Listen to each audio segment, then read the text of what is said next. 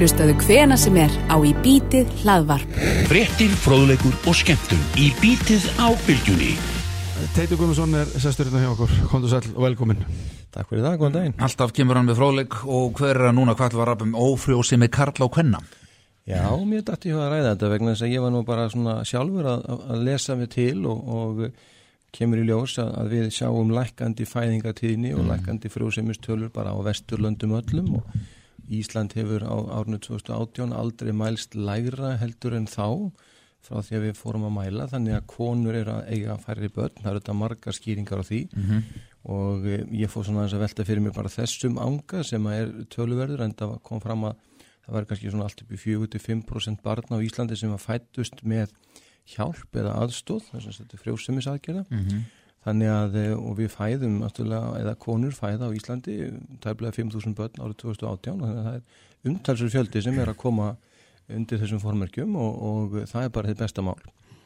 En uh, við sjáum þetta þegar maður horfður á ófrjóðsemja, það eru karlar og konur sem að eru að glíma við vanda og það er talað sér allt upp í 15% para sem að glíma við þetta á einhverjum tímapunkti og eftir því sem fólk eldist og eftir því hvaða undirleikendi vandar eru því meiri eru líkunar á ófrjóðsemi mm -hmm. þannig að það er bara áhugast að ræða það hvernig munurinn er millir karla og kvenna og hvað við getum kannski gert og undir hvaða formerkjum við erum þá að skoða. Þeirra bara þess að nikja þessu, ófrjósemi, hvað þýðir það í raun? Já, skilgreiningin ófrjósemi er að, að par geti ekki eignast barn á tólmánaða tímabili án þess að nota getnaðavarnir og verið að reyna að eignast barn. Það er mm. svona grunn skilgreiningin, þannig að þeir sem að um, uppfylla þetta skilirði og mm. gengur erfilega, þeir í raun og veru eru innan þessa ramma mm. svo er þetta auðvitað teikt aðeins og tókað mm. en, en þetta er það sem við tölum um já og, og í raun skýringin á því að því við tölum um karl og konur er þetta þarf þetta karl og konur til þess að eiga barn mm -hmm. í grunninn eða allavega sæðisfrumu og eggfrumu konunar og, og eh, ef að það eru vandamál við þetta hjá körlunum geta verið ímjöskona mál sem að koma upp, það getur verið þetta lág framlegsla á sæðisfrumum, það getur verið lítil í raun og veru og lélegur vökvi sem sæðisfruman syndir, það getur verið gallað sæðisfrumur, það er ímislegt og til dæmis þegar við tölum látt magn sæðis í, í það sæðisfrumna í, í sáláti þá er það að vera með undir 15 miljónum sæðisfrumna mm. per millilítir þannig að þetta er svona ákveðna svona skilgræningar sem mm. farið í gegnum. Hefur það verið eitthvað að minka hjá kvöllum á Vesturlandum? Já, það virðist vera að, að, að það séu fleiri karlar að glíma við vanda og mm. hann virðist vera fjölþættur og það er auðvitað ímislegt sem kemur til, bara nútíma lífstíl, það er off-thinged og off-fitta sem við tengjum við þetta, það eru liv og tengingar þar, aðgerðir, um, geysla meðferðir, ímislegt sem er búið að gerast í, í, í raun og veru, síkingar sem fólk hafa fengið, við þekkjum með hettusóttin sem að er nú búið að ræða í gegnum tíðina, um, síðan eru allskyns svona gallar eða til þess að eistun gangi ekki nýður ef að það eru vandamálvarandi um, sko, hýta í pungnum ástæðan fyrir að eistun liggja utanvert hjá okkur að þau er ekki að vera undir hærra hittastigi eða þessu miðlaga hittastigi sem líka minn er. Mm -hmm. þannig að þetta skiptir máli. Ef að það eru æðaflækjur í pung getur það líka haft áhrif á, á til dæmis e, frjófsemi nú nótkun á testosteroni eða nótkun á ímiskonar öðrum efnum kókainótkun, síkaretunótkun áfengisnótkun þetta er allt saman áhrif á í raun og veru frjósemi karla. Mm. og við þurfum þá að vera meðvitið um það að, að sama gildur um konur að mjög miklu leiti en þær eru stundum að eiga við aðra þætti, þar er þetta ekki bara þessi hlutir heldur líka það hvernig raunverulega um, segja, transportin á ekkinu frá ekkjastokkum og yfir í leg á sér stað. Og það geta verið, við veitum það svona gamlu líffræðinni að það eru ekkjastokkar og það eru í raunveru túpur sem liggja þaðan inn, á, inn í leið og það ferðast ekkið um og það má ekki vera ör eða bólgur eða breytingar þar til dæmis eru kynnsjúkdómar ef mann hafa fengið bólgusjúkdóm farið í aðgerð ímislegt sem maður getur átt áhrif á þetta þannig að, að það eru uh, í raun svona margt sem við þurfum að skoða þegar við þurfum að fá par til okkar sem að glými við ófröðsemi, kemur og kvartar Nú svo eru þessar náttúrulegu ástæðu sem er bara aldur, það nignar með aldrei geta okkar til þess að eiga börn. Mm -hmm. Konur eftir þrítugt, þar mingar mjög hratt. Karlar ekki eins en svona eftir 45 er farið að tala um að það sé að minka og breytast En að þú nefnir konur eftir 30, er það þá ekki að búskapurinn eitthvað Já, hérna, já. sem vingar eða? Já, það hefur áhrif á hvernig við erum að þróa í raun og veru egg og hvernig Mhm. eggin eru í raun og veru sendt frá konni á inn í gegnum þessa leiðara inn í, inn í leið þannig að þetta eru margháttar eh, í raun og veru nálganir sem við erum að fara í gegnum og uh, það eru þetta stundum er þetta auð útskýranlegi hlutir ég mann til að þetta dæmi með, með par sem átti erfitt með að eignast barn og, og maðurinn var á meðferð sem var vegna bólgusjúkdóms í ristli sem er þekkt aukaverkun af því að hann verður tímabundið yfirleitt ófrjór eða með mjög lágan, lágar gildi í sæðistalningu og þá þegar maður tekur lifið af þá þetta breytist þetta. Mm. Þannig að það er svona, maður þarf stundum aðeins að, að svona skoða og þetta er ég nú ekki kannski að glíma við þetta mestmegnis en við svona í helsvíkjastlunni sjáum mjög mikið af fólki þetta og svo eru hérna sérfræðingar sem að sinna þessu mjög vel og minna við erum með umræði sem hefur verið um með mitt frjósemi á Íslandi og möguleika til þess að fó pör fari í frjósemis aðgerð, þannig búið að breyta til dæmis fyrirkomulægjum það með greiðslu þáttöku, við heyrðum að því. Þannig að þetta, er- þetta er heilmikið að segja og svo má ekki gleyma því að undir svona nútíma lífstíli streyta á álag hefur gríðarlega áhrif líka á hormonabúskap og þar með talið þetta kynhormónin. Mm. og þá erum við að lendi vandran líka með frjósemi. Og getur það ekki orðið svona vondur bolti sem verður að rúla ef þú, ef þú vegna streitu, lendir í þessu og svo farið þessar fréttir sem eigur væntalega á streituna þannig að Jú, við höfum náttúrulega heyrt af því og ég veit ekki hvað er á bakveða kannski og ég þekki ekki alveg svona tölunar en, fólk sem hefur glimt við vanda og hefur farið í gegnum þetta og síðan eignast barn, við skulum segja með hjálp að þá gerist það mjög oft að fólk eignast barn fljótlega á eftir án þess að þurfa aðstóð og það er, veit ekki hvað veldur því nákvæmlega en það er örgulega margir þættir, streyta örgulega eitt af því. Þannig andliði þátturinn hefur eitthvað að segja. Alveg klárlega og við vitum það að hann er til tölulega stór. Nú, þegar við erum að, að, að skoða þetta þá auðvitað snýst þetta um blóðrannsóknir og myndgreiningu og jafnvel speiklanir hjá konum eða aðtugun á því hvort að kerfið virkar. Og eh, við þurfum að vera meðvitu um þetta og það við getum þá gert jafnvel aðgerðir, það er til aðgerðir sem laga ekki að leiðara, það er til aðgerðir sem hafa áhrif á leg, nútamyndun í legi, ímislegt sem getur verið þarna sem að skipti máli. Mhm. en svona í grunninn er þetta nú oftast það er einhver svona eh, livja nálgun eða tenging á genetík eða erðafætti eins og ég segi eða eitthvað slíkt. Og uh, jafnvel einföldustu þætti geta skipt máli bara það að vera að taka lengi bólguðandi lif er talið að hafi áhrif á til dæmis frjósemi. Bara íbúfinn? Íbúfen, taka íbúfen í langan tíma, það getur haft neikvæð áhrif. Mm. það að vera jafnvel að, að, nota eins og ég segi ákveðin bætefni hefur verið rætt. Mhm. um, þeir sem eru með ákveð mataræði eins og vegan þurfa að huga þessu þannig að það fjöldamart sem við þurfum að velta fyrir okkur. Stöldurum að þessu hérna, þeir sem eru vegan fyrir að þá að hverju. Já, þeir gætu verið með skerðingu á bætefnum sem að hefur áhrif á frjósemi. Hvað þá þar hefur B12 þetta- eða? það hefur verið tengt það og það eru fleiri bætefni sem eru tengt við það. Mm. þannig að bara almennt ef þú ert hraustur og líður vel þá ættir þú að vera færum vegna spöld Mhm. en, en það er ekki alveg svo einfalt. Mhm. við tökum þetta sem aldrei sjálfstæðan hlut Mhm. fólki finnst þetta alveg sjálfsagt Já. eitthvað spöld en það er bara ekki sjálfsagt Lífstílinn skiptir máli í þessu Þú nefndur ofþyngd líka Já, í körlum er vita til dæmis að ofþyngd hefur í fytu við verða umbreytingar á testosteróni sem, sem hefur mjög mikil áhrif á framleyslu til dæmis á sæði eða á, í eistónum Mhm. þannig að, að hérna, við vitum það að það verða umbreytingar Mhm. sem hafa áhrif á þetta og það er Mm. í raun hjá konum svipað, við, það er aðeins öðru sem mekanismi en, en þarna er við þekkjum ástæðana þarna Já, en þú, þú nefndir konur eftir 30 er, er, sko, er eitthvað í prósentum minni líkur á þar geti orðið uh, óleittar eftir 30 Já, það eru tilýmsa rannsóknir sem sína fram á þetta að það sé hafa áhrif á í raun hvernig þetta er. Það, tala um varandi ófrömsumina almennt, setja svona þriðjungur hjá konum, körlum og síðan Mhm. bara almennt og típrost ekki vita.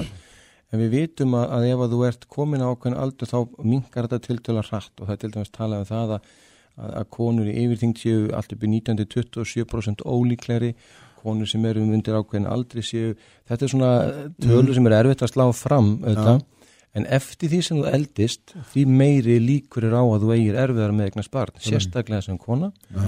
það kemur síðar hjá köllum Já, þannig að skilabóðin er bara ekki býða lengi Nei, ég meina Ástarvika Bólungavík og ég meina það að halda okkur við og við vitum þess að bara svo því sagt sko, að Ísland er ekki að ná að viðhalda mannfjöldanum sínum miða við þá fæðingatíni sem við erum með. Mhm. við erum undir 2,1, við erum 1,7 á síðast ári lægsta tíni á 1950 þannig að maður ætti að hvetja fólkið upp í rúm já og fara bara að gera það eins og maður segir það er þetta ein, ein nálgun en, en, en það líka Mhm. og þannig að skiptir máli. En virðist þetta vera bara uh, eins og þú reynda að komast aðeins inn á í upphæðu, er þetta svona alþjóðlegt bara Já, þetta, þetta er alþjóðlegt og við, við sjáum þetta já, öllum vestrana heiminum og, og við vitum það að það eru geysilega mikil nálgun á þetta út um allt, ég menn það fæða um 9,2 miljónir kvenna barn á mánuði í heiminum sko, Mm. það fæðast einhver 1200 börn á dag í heiminum en þetta hefur verið að, að sem sagt, lækka í vestranum samfélagum, aukast annars þar og svo kemur að því þar að þar með að lækka líka Já, og og hvað er það þar sem að mennur að tala um það? Er það fjö, samfélagslegt eða hvað? Eða félagslegt eða? Já, ég held sem, já, margt sem kemur til auðvitað, það er þetta getnaðvarnir að sjálfsögðu nummer Já, 1, já. 2 og 3 og hvernig mann hugsa um þetta og hvernig mann ætla að byrja að stopna fjölskyld og allt það, en í grunninn þá er það öruglega umhverfi, lífstíl og, og í raun og veru okkar svona nálgun á lífið. sem Nú er- það að tala um þetta til þessi hér á landi að, að það er miklu erfiðar heldur en oft áður, kannski oftast áður fyrir ungt fólk að stopna heimili.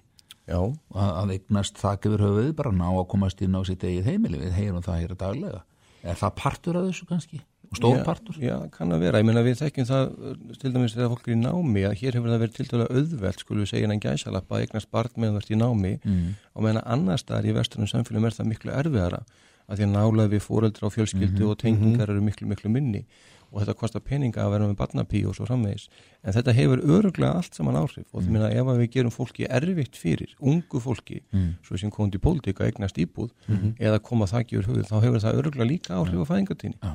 En hvað hefur að segja, maður heyrir nú stundur svona einhverja krafta sögur á köllum sem geta verið eignast börn alveg bara til 70-80 ára og jafnvel eldri Já, sorpa gamli já, já. bara að að það er ekki mikil tími eftir hvað er það þar? Hvað? Já, við erum náttúrulega allar æfi að framleiða sko, þannig að þú getur verið svona alveg óbáslega heppin, en almennt er tala um að taki oft um byrjum 12 mánuði að, að eignast bara, þannig að þú ert að reyna. Mm. og, og hérna það er ekki nema 20% sem að tekst það á fyrsta mánuðinu sem er að reyna að verða ófrískir eða fyrstu tveimur. Þannig að þetta er í raun og veru já, og þarna held ég óvenju fróður einstaklingur, óvenju móttækileg kona, skulum við segja, og allt gengur upp. Ah, mm -hmm. einstaklisböndu mikið. Já, já, en kallmenn er nú almennt ekki eignast börn á þessum aldrei, þetta er nú orðið mjög, mjög sjálfgeft. Já, já. Áhugaverst, eins og alltaf. Teitur Guðmundsson, takk fyrir komuna. Takk fyrir. Í bítið á bylgjunni Alla virka daga frá 6.50 til 10 Já, við á bylginni, eh, við fengum senda um, eh, já, fyrirspöldni ábendingu eh, sem segir svona það fljúa postar á milli út um allan bæ. Inga Sælandi á flokki fólksins vann mál gegn tryggingastofni ríkisins eldri borgar fengu því smá leiðréttingu og þetta er eh, algjör bjarna greiði því þeir sem eh, mist eiga og eru á húsnæðismarkaði missa sérstakar húsalegubætur og eh, og, og venjulegar húsnæðisbætur líka og svo leiðréttingin fer úr uh, vasa tryggingastofnunar í vasa íbúðalansjós eða húsnæðiskerfis Það er auðvitað að trúa þessu vegna þess að við höfum nú svona heyrt svona dæmi, sérstaklega með öryrkjana en svo er það nú líka bara þannig að þegar þessi mál eru rætt svona almennt að fyrir þá sem ekki eru öryrkjar eða eldri borgarar það getur verið svolítið erfitt og flókið að setja sig inn í þessa, þessi mál. Og kannski þess vegna eru þau ofta ekki að ná eirum almennings almennilega ekki kannski fyrir en við komum til lendir í þessari stöðu Akkurat, sjálfu eða sjálfur Inga Sæland uh, frá flokki fólksins er sest hérna hjá okkur, komdu sæl og já, hvað annað var að formaði fjárlæðanendar líka, ekki? Jú, jú, jú, ég er þetta allt saman gulli. En segð okkur þarna frá þessu máli hvað, hvað er í gangi þarna? Þetta er náttúrulega eitt af þessu dapra sem kemur, kemur oftu og fer að fljúa seglum þöndum um, um samfélagsmiðla greinilega. Þetta heitir bara með stóru emmi eitt stór miskilningur. Þannig verður að reyna breyta epli í appilsínu vegna þess að þarna verður að blanda saman tveimur gjör ólíkum málum, annars vegar e, dómsmáli sem að, að flokku fólksins stóð, stóð að á sínu tíma fyrir hönd eldri borgara vegna ólögmætra aðgerða e, ríkisvaldsins mm -hmm. gagvart þessum sömu hérna, eldri borgurum þar sem að í rauninni þeir voru skertir e, fyrir janúar og februar ólögmætt aftur virt á lífeyrisréttindum sínum. Nú þetta var einfallega tekjur, þeir fengu leiðréttinguna, það voru 29.000 eldri borgara sem fengu þessa leiðréttingu upp á 5.300 miljónir króna og, og, og, og, ágætt kona sem sendir þennan litla post til ykkar segir að þetta sé smáleiðrétting mm. hún er nú ekki smarri en, en það. Þetta er annars stærsti pósturinn inn í fjáraukalögunum núna. Vegna þess að þetta er engin smá biti að kingja þegar að, að svona mistök eru gerði í, í lögjöfunni eins og, og var á þessum tíma. Þannig að e, þetta voru reynar tekjur bara sem að eldri borgarar fengu þá og, og greitu af því skatta og, og skildur eins og löggerar ráð fyrir. Hitt er svo önnur saga, það er málið sem að hér umræðir og er verið að ruggla við dómsmáli okkar gegn tryggingastofnun. Það er í rauninni þessi, e, þessi, þetta hænusgref sem er verið að taka í áttina að því að draga úr skerðingum á öryrkja, innan svo kvöldu margum töluðu krónu á móti krónuskerðingu sem að var í rauninni afnumin af eldri borgurum 1. janúar 2017, tók gildi þá. E, Öryrkjar hafa búið við hana æg síðan og það er núna e, sem að, að barnamála, velferðar og barnamálar á þeirra, félags og barnamálar á þeirra ásmundur einar kemur með þetta frumvarpin í þingi og það var samþygt að draga úr þessari skerðingu um 35% sem satt e, 65 eura á móti krónu og e, það var látið gilda þannig að þessi e, hérna Þessi leiðrétting til öryrkja, þessi lækkun á uh, þessari skerðingu var látin gilda frá 1. janúar síðastlinu mm. og þau fengu leiðréttinguna í engreislu fyrir alla þessa átta mánuði sem var þess valdandi að upphæðin var kannski 190-220.000 svona mismunandi mm. eftir, eftir náttúrulega því hvað viðkomandi hafði, hafði verið að vinna. En það breytir ekki þeirri staðreind að, að uh, skerðingin sem sagt dregur einstaklingin upp fyrir þetta lámas viðmið sem er í sambandi við hei- húsnæðistuðningin og sérstakann húsnæðistuðning þess að skollu húsalegu bætur og sérstöku húsalegu bætur og um leið og þú ert búin að sína það að þú ert komin með x krónum yfir það að þá byrjaðir strax að stíga inn og skerða þig. Og það er nákvæmlega það sem er gert þarna og ég tel að þetta séu mistök hjá uh, hérna, félagsmála, barnamála ráþera hvað það varðar að hafa ekki talað saman að þessi kerfi tvö hafi ekki talað saman hann að reyna að gera þá uh, eitthvað jákvætt í áttina af því að leiðrétta og bæta hag öryrkjans þó, þó, þó lítið væri að þá var það greinilega þessi sko, velvilji í þá átt að tala ekki við til dæmis þá sem að eru hinum megin á peningnum og eru þeir sem eru tilbúinir að grípa strax e, og, og, og skerða og, og, og, og hakka niður eins og við erum búin að þurfa að horfa upp á. Það er bara, það er keðjuverkandi skerðingi gegnum allt kerfi og það er ekki fyrir nema færustu sérfræðinga átt að sé á því sko hvað í raun og veru er að gerast þarna inn í þessari tryggingastofnum og hvers það segila skerðingakerfi þetta er. Og það, sem sagt, það í stað þess að þessi, í þessu tilviki hefði þurft að til dæmis að reyna að dreifa þessari leiðréttingu yfir á átta mánuði þannig að hefði aldrei orðið svona rosalega mikið högg Já. á þá sem að voru að fá þetta því að Akkurat. fólk er að hækka í húsalegu upp í kannski 40.000 krónur og þetta, þetta verður ekki leiðrétt til þeirra fyrir fyrsta lagi e, eftir næstu áramót Er 1. þetta janúar. klaufaskapur eða Já, mér, bara eins og svo margt annað, það er, það er bara það, það er bara svo mikill einleikur alltaf, það er, það er bara það er hver smá kóngurinn á sínum stað og hann bara siglir þar seglum föndum á þess að, á þess að líta heilstætt á máli og mér finnst það að vera gegnum gangandi mjög algengt í okkar ágæta bæði okkar ágætu stjórnsýslu sem öllu, öllu batteríinu í heild að, að það er að vera ekki að líta heilstætt á málinu og í þessu tilviki er þetta bara einfaldur miskilingur, leiðilegu miskilingur og mér finnst, eh, mér finnst eh, dapurt þegar fólk stígur fram uh, ánþekkingar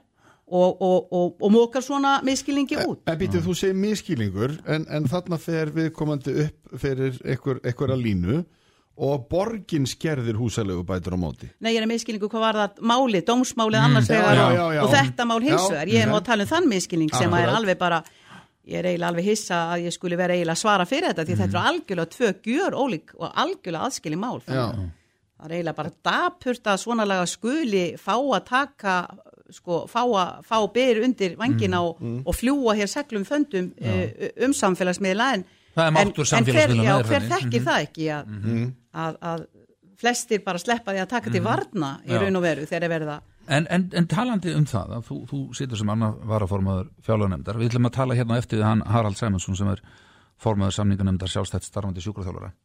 Og uh, reyndar uh, tilefnið er uh, máluþing á morgun uh, hjá samtökum fyrirtæki og velferðarþjónustu.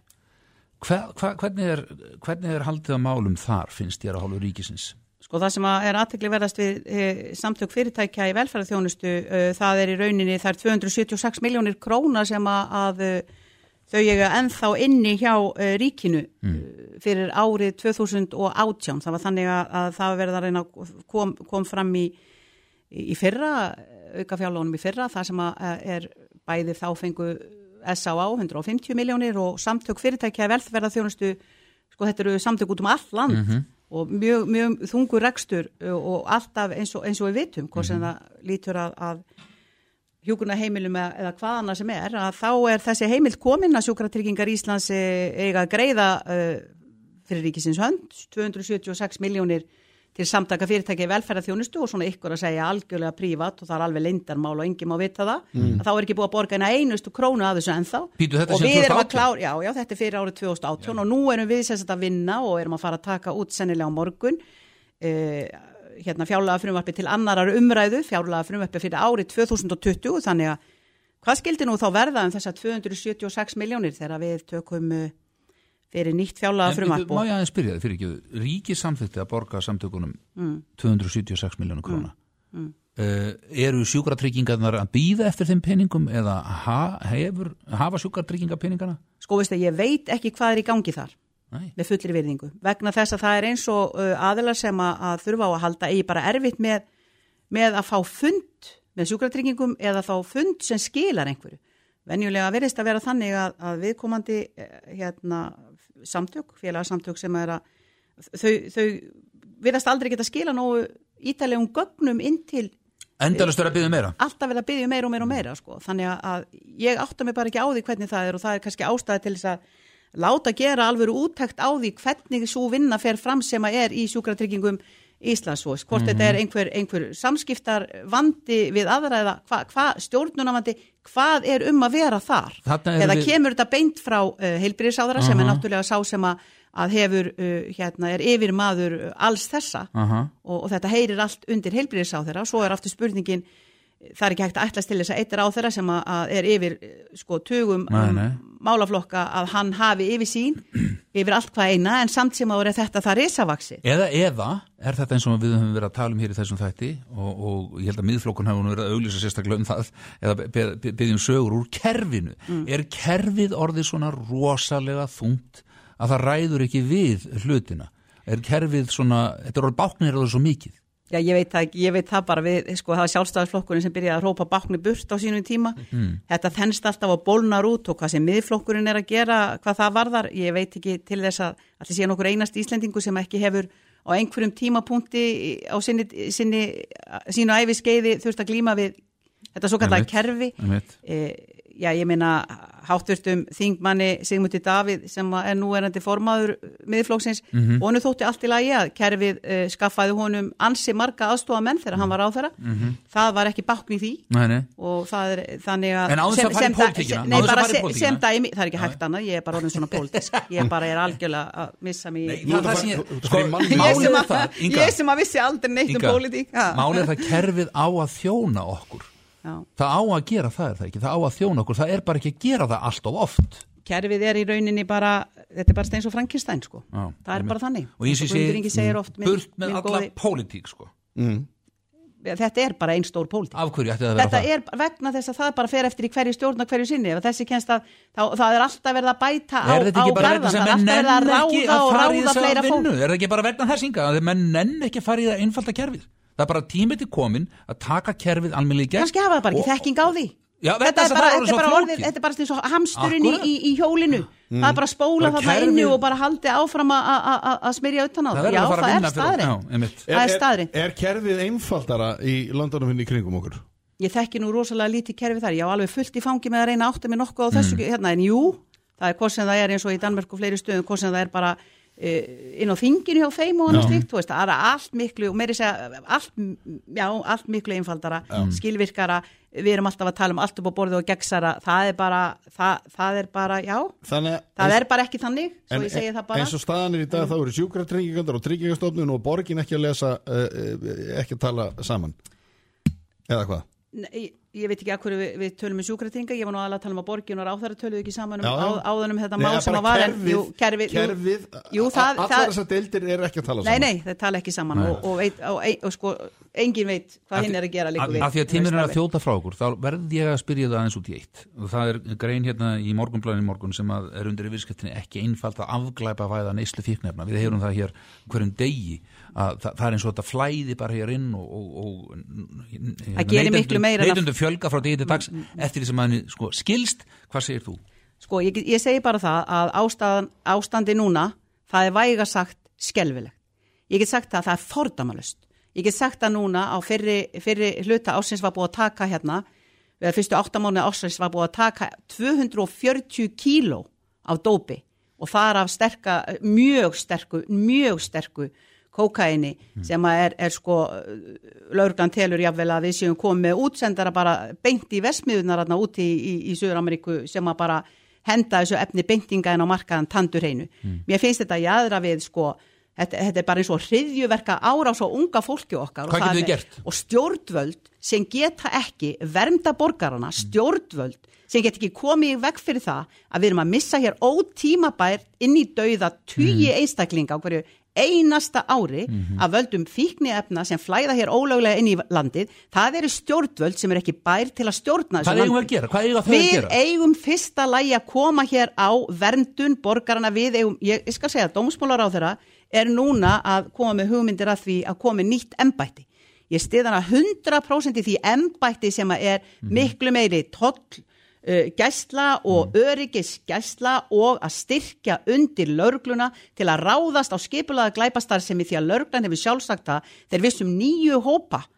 Við erum búin að kortleggja nýju hópa hér sem eru búin að skjóta hér rótur í, í samfélaginu uh, í skipulaða glæpastarðsemi og ég segi það, það er algjört lámar að við reynum minnst að kosta spórna við því að öllu afli og með því að sína það í verki að við tökum mark á þeirri vá sem Hvað er að hella að segja þetta, Inga? Nei, koma, það er ekki hvernig viltu gera? það Bara því að styrkja laurugluna og styrkja landamærafstildið Er það sem þú vilt gera? Ég vil Punktur. bara allt heila kerfi takist talið saman, félagslega, Mm. Afglæpavæðingu? alla. Hvað með afglæpavæðingu? Afglæpavæðingi þegar við erum að tala um neyslu skamta, það hlýtur, hversu erfitt er það að þú ert með eina jónu í vasan maður segja, hei, hann er nú væntalega ekki að fara að selja.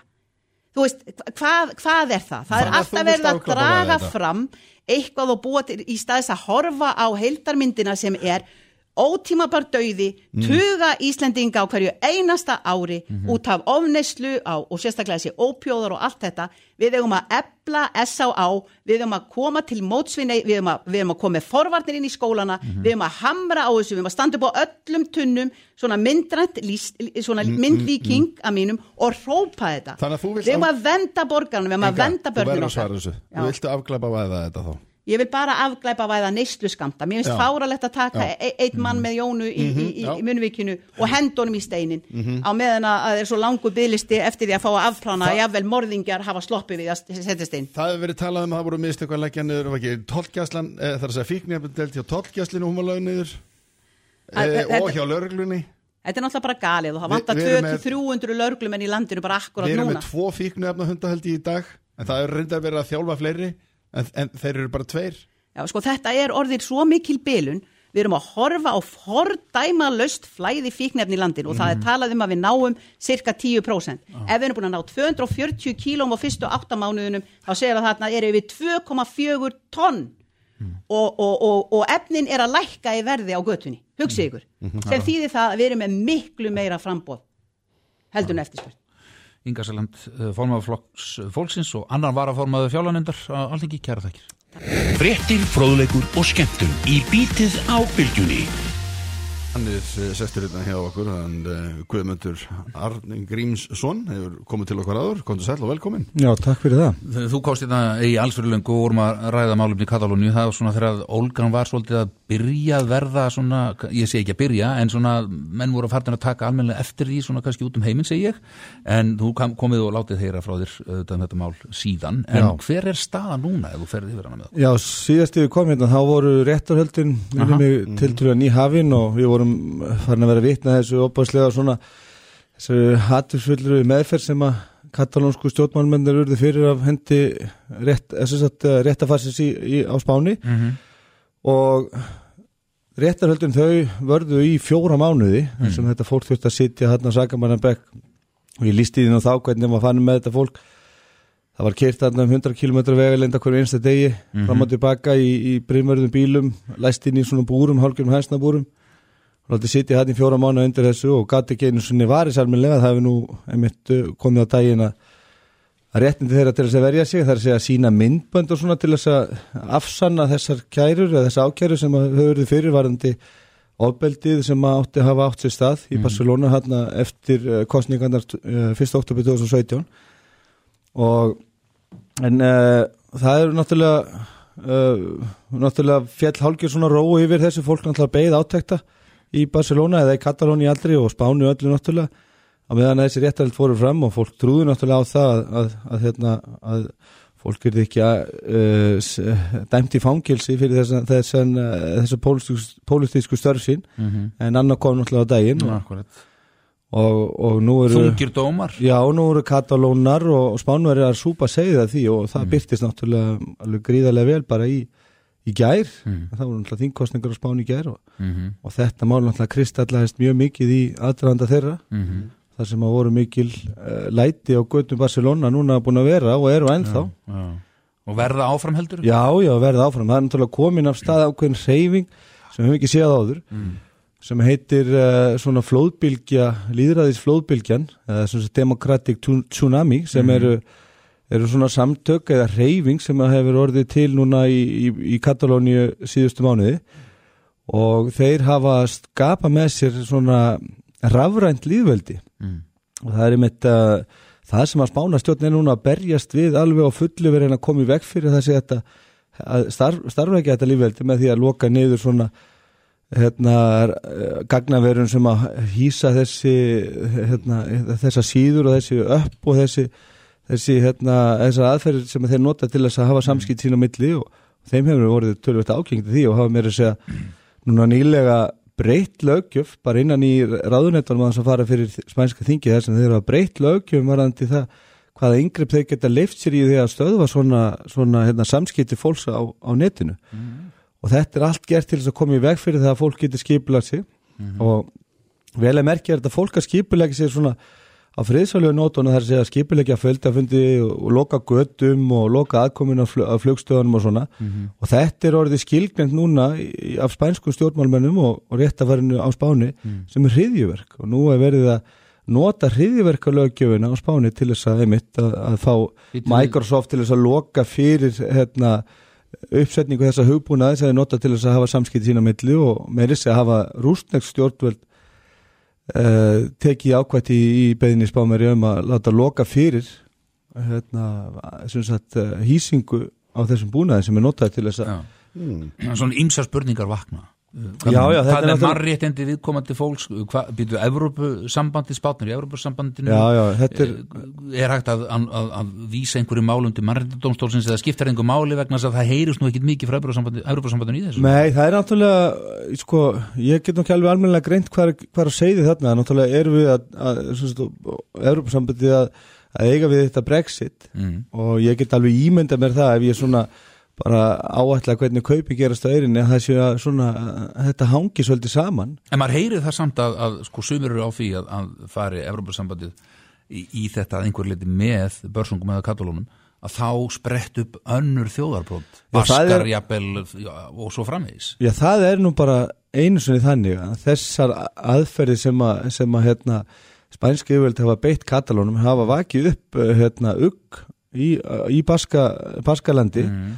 Og núna var nú bara eitt þeirra helsti leiðtói að skrifa merkilega grein í síðustu viku þar sem hann sagði að bara eina leiðin fyrir okkur Baskana til þess að fara inn í framtíðina er að leggjast á árar með katalónum og, og krefja sjálfstæðis. Já, og þetta er nú bara hérna, einhver mest málsmyndandi maður í Baskarlandi sem að lýsi því bara yfir. Mm. að það sé bara ekkit eh, hérna, þeim sé bara ekkit vært innan spánar. Og þetta sést líka ofsalega vel Mm. þennan mismunandi hvað maður að segja, menningu og, og, og hugsunagang innan hérna ímsu landa eða hér aða sem að er á, á Íbyrjuskaganum En bæði Baskar þá og Katalónar ef þeir fengju sjálfstæði gætu þeir staðið undir sjálfur sér, ég menna væri er, er, eru tekjum það miklar þarna hjá þeim? Já, sk- Já, já, já, klálega, náttúrulega Katalóna þeir borga eru 14% af, spænsk, af, af mannfjölda á Spáni og, og, hérna, og, og standundi það bleið 30% af útlutningum eða millir 20 og 30% og vel yfir 20% af, af hérna, þjóðaframlýslinni þannig að þeir hérna, hérna, veita ríkulega inn í spænska ríkið og þess vegna náttúrulega vilja Spánveri alls ekki missa hennar spónu og aski sínum. Mm. Og, og baskar einnig, baskar hafa alltaf verið efnahagslegt stórveldi og, og, hérna, og það er náttúrulega mm -hmm.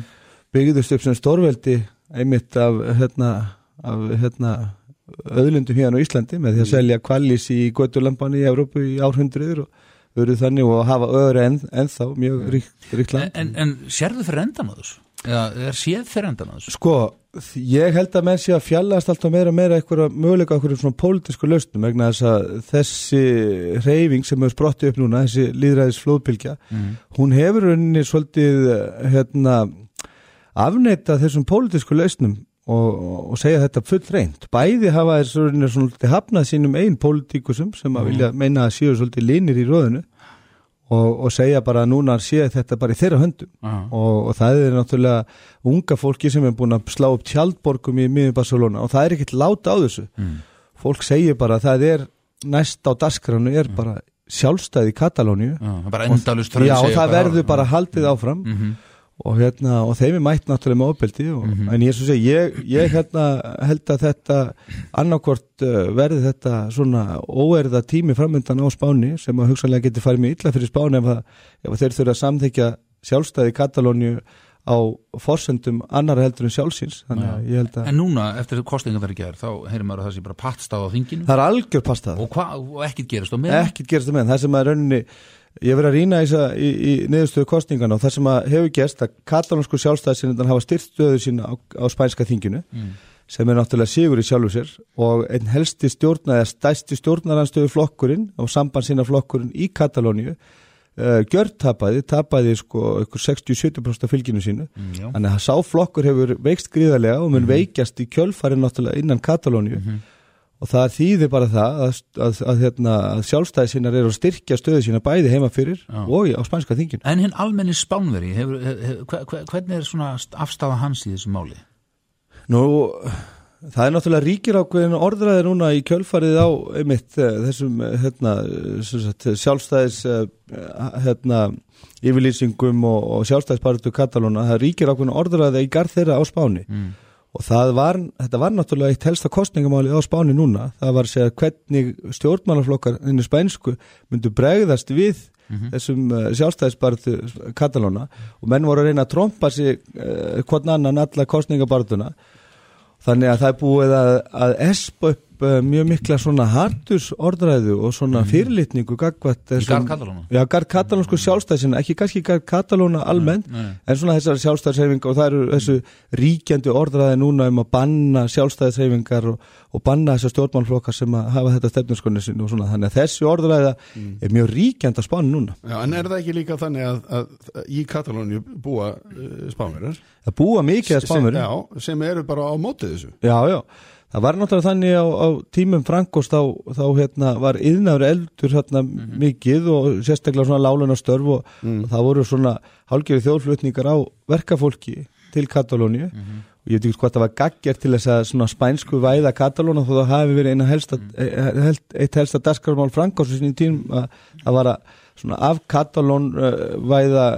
Katalónuna þar sé að gera það á Spánveri og og þess vegna er náttúrulega heilmjögurinn á fólkinu að þess að býrðarna eru, eru spánverðir En komum við bara svona rétt í lokin. Er, er einhver möguleiki sínst þér og er það eitthvað rætt einhver svona, einhver möguleg millileg þannig að báðir aðalega geta verið sáttir? Eða er þetta bara annarkort í, ja, í eða á?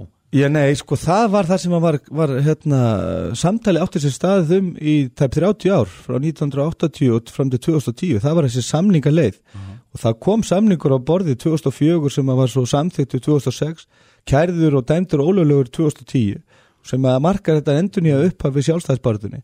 Þannig að viðletning Katalón til þess að semjum sína stöðu mm. innan spænska ríkisins mm. hefur alltaf verið fyrir hendi þanga til eftir 25 ára samningathóf og þar sem að þeim er rauninni sko niðurlæðir svona gríðarlega með því að þessu samningur hefur verið bæði hafnað af, af spænskum sjótmálmennum og svo dæmdur ólöglegur það markar þess endur nýjan kraft í sjálfstæðsbartunum sem vel er merkja tvekja alda og gömul en viðleitnin þeirra til þess að semja og kalla eftir samtali sem þið gera þá ennþá í dag. Hún hefur alltaf verið til staðar og er enn til staðar. Aflega það. Áhugavert mál og, og ekki sé fyrir endan á því sem við heyrum Guðmundur Argumarsson, kæra þakkir. Takk fyrir mig. Í bítið á bylgjunni Alla virka daga frá 6.50 til 10 En núna hins vegar ætlum við að fara yfir fréttir vikunar einhver getur sagt bara frétt vikunar nei, nei, það var nú meira í fréttum en aðal frétt vikunar og þau eru komin til okkar, að- Halldór Kilvarsson eh, leikari, Dóri Kilva, velkomin Takk. og Erla Dóra Magnúsdóttir, blaðamar og DFF Kontur nú sælblöst Það má nú- Sæl.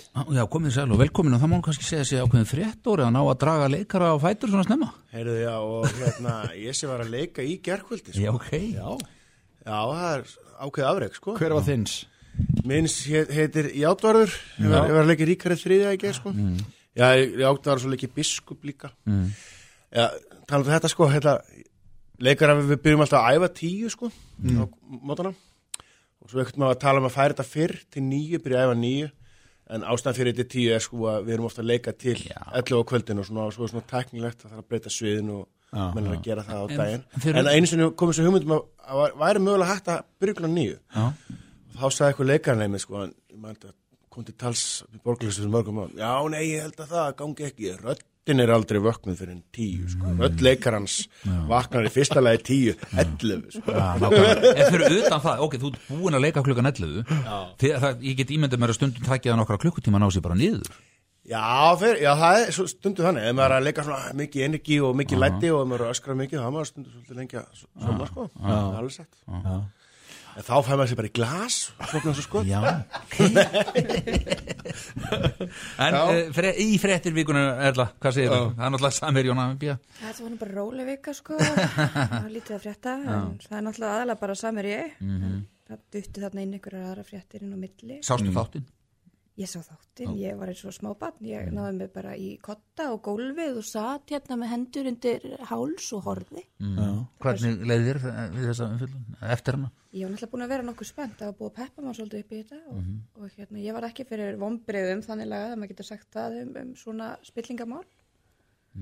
Þannig, já, ég held að, að það er mikið eftir að koma í ljós og, og hérna, það þarf að rýna þetta. Ég er búin að liggja svolítið yfir þessum gögnum sem að Wikileaks eh, byrti Mm. og þetta er alveg svaka súpa af tölvupústum og minnuskjölum og, og öllu þessu og það er í raunin bara svolítið merkilegt að, að lesa í gegnum þetta. Mm. Já, nú, nú er stundu talað um það að við höfum ekki að dæma fljótt, þetta eru ásakanir og svo framvegis, en hvernig sýnist ykkur sko, já, skjölin vera, þannig að það sé á- áhætt að draga strax sterk álutum? Ég myndi segja að það væri allavega rauksutu grunur án þess að ég ætla ég að hættu að vera dreigin fyrir síðanemndið eitthvað fyrir það en, en hérna, jú, það er eru margir reikningar þarna sem, að, sem eru gefnir út til aðila sem að, eða gefnir út af aðilum sem að, sem að eiga að vera partur af þessu hákallagengi sem að áttu að vera aðstóða til við að liðka fyrir fyrir kvotaútlunni. Alltaf innbyttu brotavili. Já, consulting fees og facilitation fees, þetta kemur þarna oft fyrir og, og hérna meira segja, ég fann þarna eitt tölvupúst þar sem að Jóhannes er að senda á Yngvar Júliusson, hérna fjármálastjóran hjá Samherja og er bara að spyrja, heyrðu, á hvaða fyrirtæki á hérna þessi aftur að gefa út hérna reikningin sinn og á ég ekki að setja þetta bara sem consulting fee. Þannig það er svolítið, það er svolítið svona En, en getur ekki verið bara þeir, þeir hafi bara verið ráðgjafar Þek, jú, ég ætla ekki að fyllir það að svo nei. ekki verið sko. Einmitt.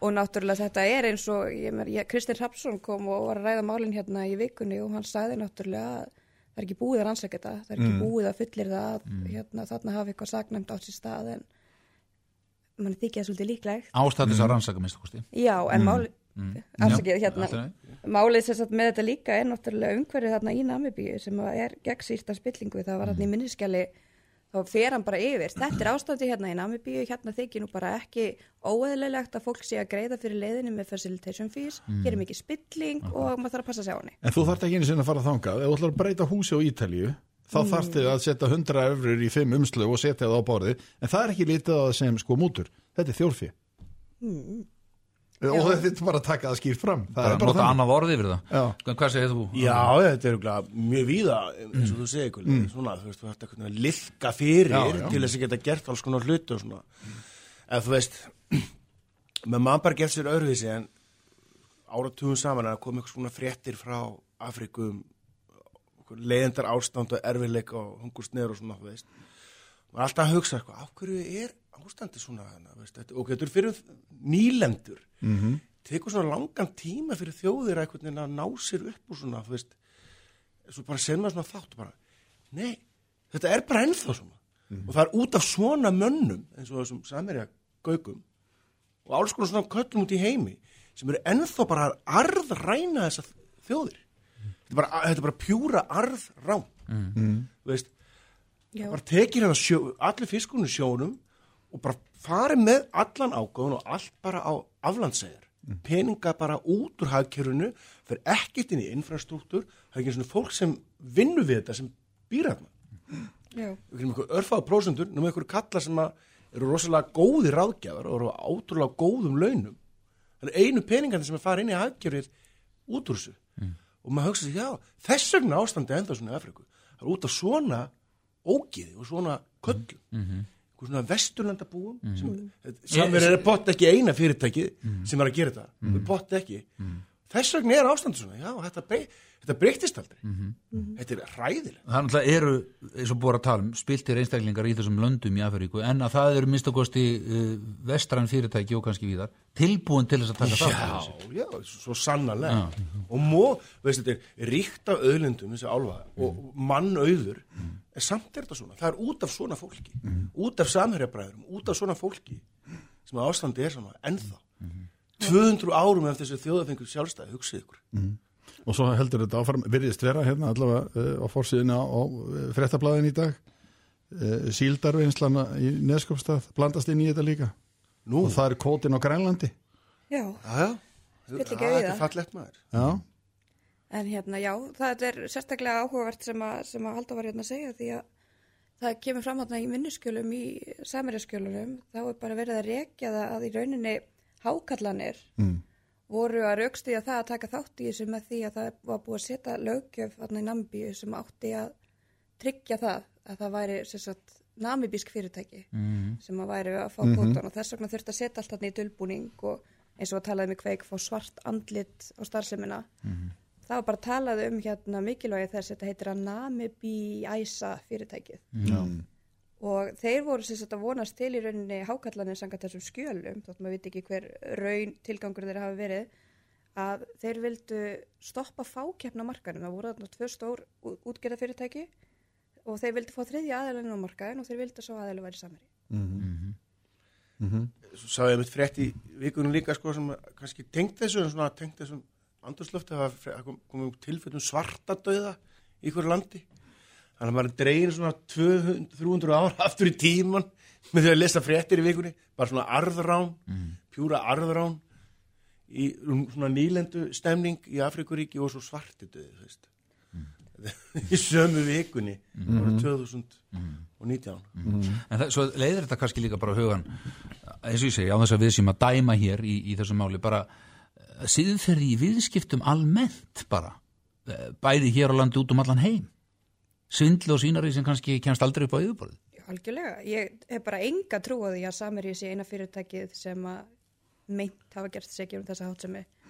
Ég held að sé fleiri stærri fyrirtæki á Íslandi, það er bara, þú veist, það er bara eðlið þess þegar þú ert með stóran fyrirtækjarekstur og ert að fá inn mikið af peningum að þú ferð og tekur ykkur skref til þess að passa upp á peningana og til þess að tryggja og hámarka gróðan. já, já sem leiðir hugan kannski þessu kerfi sem við erum í því vegna þess að sko nóg er aldrei nóg. Hlutaður í alltaf meir og meiri gróða meiri gróða heldur en á síðasta ári og svo framvís Já, Þetta er svona kapitalismi í sinni tærustu mynd sko. já, og nú hefur Ísland verið, verið hérna gaggrínt fyrir, fyrir regluverki okkar og hvernig við, við mætum peningaþætti. Þetta er náttúrulega bara, bara þú veist hvað, ef maður segja rúsina í pilsu endanum að þeirri umræðu. voruð þið í sjokki eftir þennan þátt?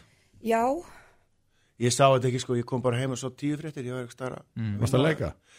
Nei, ég var að ég leika mér, ég var að spila Það var gítar og æfa með hljómsett. Já, já, það er mitt En, að fara í aðra fréttir? já, Já, er það ekki einhverja gleðilegri kannski? Já, hérna, ég las í fréttablaðinu um hérna, fannst yfirgefin kvolpur Erlendis, þar, hann var með hérna, hann var afskræmdur, þannilega, hann var með skottið á hausnum. Æ, grei. Skottið á hausnum sem sagt bara Á út úr höfðinu Já, bara brjósk og beinlaus skott hérna. mm. var það eða Ná, svona stutt og var ógeðslega sætt. æ, grei Þannig að eigandunir hafa losað sig bara við hann þess vegna.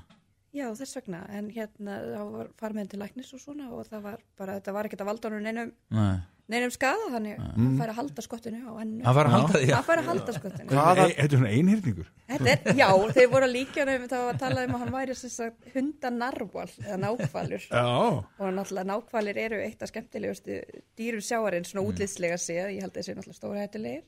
hvað tegunda hundi var þetta Við, ég sá það nú ekki, ég hugsa hann hafi ekki verið eftir en hann leit svolítið svona út eins og labrador blendingur, hann var svona gulur með svolítið, svolítið svona lavandi eyru. hundar eru æðislega eigið þið hund Já, já, Já, þannig ég líka. næstu því. Fekk mér hund fyrir nokkrum árum sko, ég ætla aldrei að gera það sko. Það er stórkoslegt að eiga hund, bara að koma því að því Já, sko. já það er rétt. Já. já, fleira?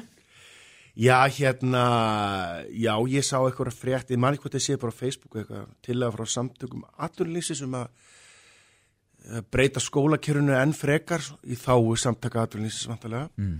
semst að eh, það er að stýtta lengja skóla ári hjá krökkum mm. stýtta sumafríð og það yrðu þá vantarlega skemur í grunnskóla fyrir fyrr svo í framhaldsskóla eitthvað svona já, ég stytta Já, ég man ekki alveg hvernig það var, en Já. alltaf að sko að breyta þessu enn meira sko Mm. og ég er svo ég er einn af þeim sem var alveg ógeðslega full yfir þessum, yfir þessar breytingu yfir í þryggjára kerfi í framhaldsskólum mm. Uh, allstað sem að kemur og tala við kennara í framhaldsskólum og háskólakennurum þá uh, hérna eru það ekki mjög hrifin að þessar breytingu að reynslana þessu er ekki góð hinga til.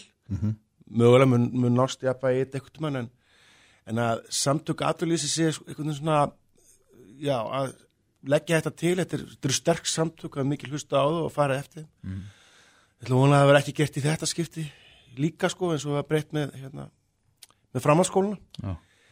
sko, ég er samanbyrjun sko, sonu minn var í fjara ára kerfi svo dótti minn núna í þryggja ára kerfi sko Mm. ég sé alveg mun bara þú veist, á, á lífsgæðum sko mm Mhm. bursið frá því hvernig þetta er að eh, koma út í Excel-skjálnu og bara upp í háskóldinni það, það er talað um það núna þar mjög margir kennar að segja það að nefndu koma verri undirbúnir og brottallið meira mm. og það, það er slæmt Úr þessu þryggjára já, já, já, já. Og núna eða sko, bursið frá því að það er ekki gott og það var bara lífsgæði krakkana ég vil meina að þau séu minni. Já, og mentaskóla árin sé mikilvægastu árin svona ég meina og, er og það verið að stytta þau Já, þetta er bara skemmtilega ára sem við þekkjum, já, þú veist, bara ef þú, vi- ef þú fílar þetta ekki, þá getur þú flýttir í gegnum þetta.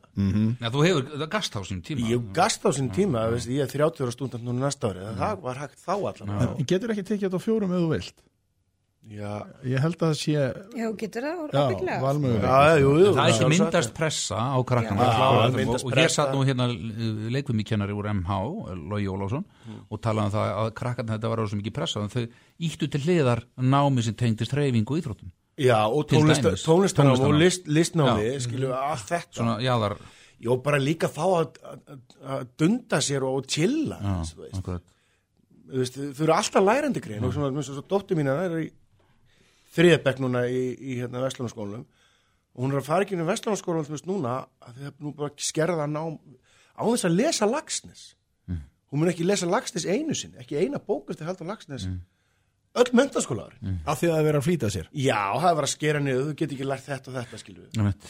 Er það kannski bara því að Lagsnes er orðið púkó? eigum við ekki að lesa Lagsnes í mentaskóla En lesaði Shakespeare það má alveg sleppa því það hefði sérst átt að stýta grunnskólan. Taka tíundabekkin sko kannski Já, allavega fyrst að vera krukka í þessu allavega, mm. veist, að gera þetta einhvern veginn öðruvísi. Allavega þetta finnst mér ekki gott sko.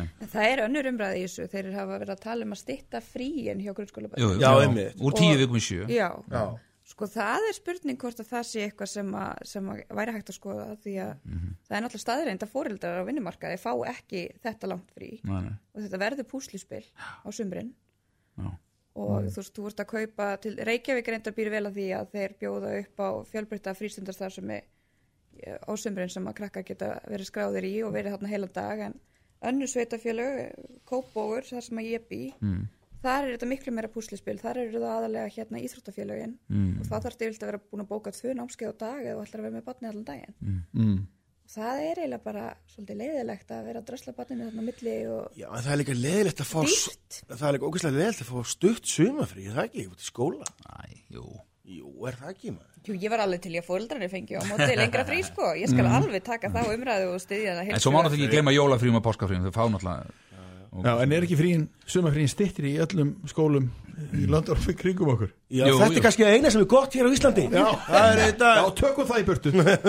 Ég held til dæmis að frí í bandaríkjum sem bara kortir sko, þau eru svo stutt. Já, þú færð, þú, eftir fimm ára starf færið viku sumafrí Já, bara fæðingaról og einhverju fimm dagar eða eitthvað, það farlegt Það vinnu álega er gríðalegt Mm. Já, fleira? Er þið Rjúpna við gengur víst vel, sá ég ekki starf Já, ertu, ertu veiðimöður? Flugu við með, fiski við með sko, en ég fer ekki á rjúpu en ég gleð svo mikið fyrir hönd margra vina minna sem að eru í þessu og eru ægilega ánæðir og, og fyrst voða gaman. Mm. og minnst þetta bara jákvætt líka það veiðist, veiðist mikið af fugli. Já, það var talandi um að tegundu sé að fekka og súrn og sjáar og allt þetta og þetta svona gleður. Já þannig að veiðmennandi finna fyrir því þeir, þeir sjá meira Já, þið sjá meira Já. og hérna, veiða meira. Það er bara ég, er, ég er að gleðast fyrir hönd vina mína Já, ertu þá, en borðað þú rjúpur á jólunum? ég, ég er alveg fyrir það en Já. svo eftir að ég kynntist konu mín og fór að eða jólum með henni þá hef ég ekki borðað júbu Blessaður, Gunnlaugur hér, það er sama hjá Þú þekkir þetta líka? Já, já, já. Mér fannst jólinn koma þegar mamma fór að steikja rjúpurna já. að bara Jafnvel daginn áður þegar pappi byrja að hamfletta þær. Já, það er Þegar listin kom, lingið alveg Þa- Þetta er akkurat ámynd hjá mér. Ég kynntist rjúbunum með því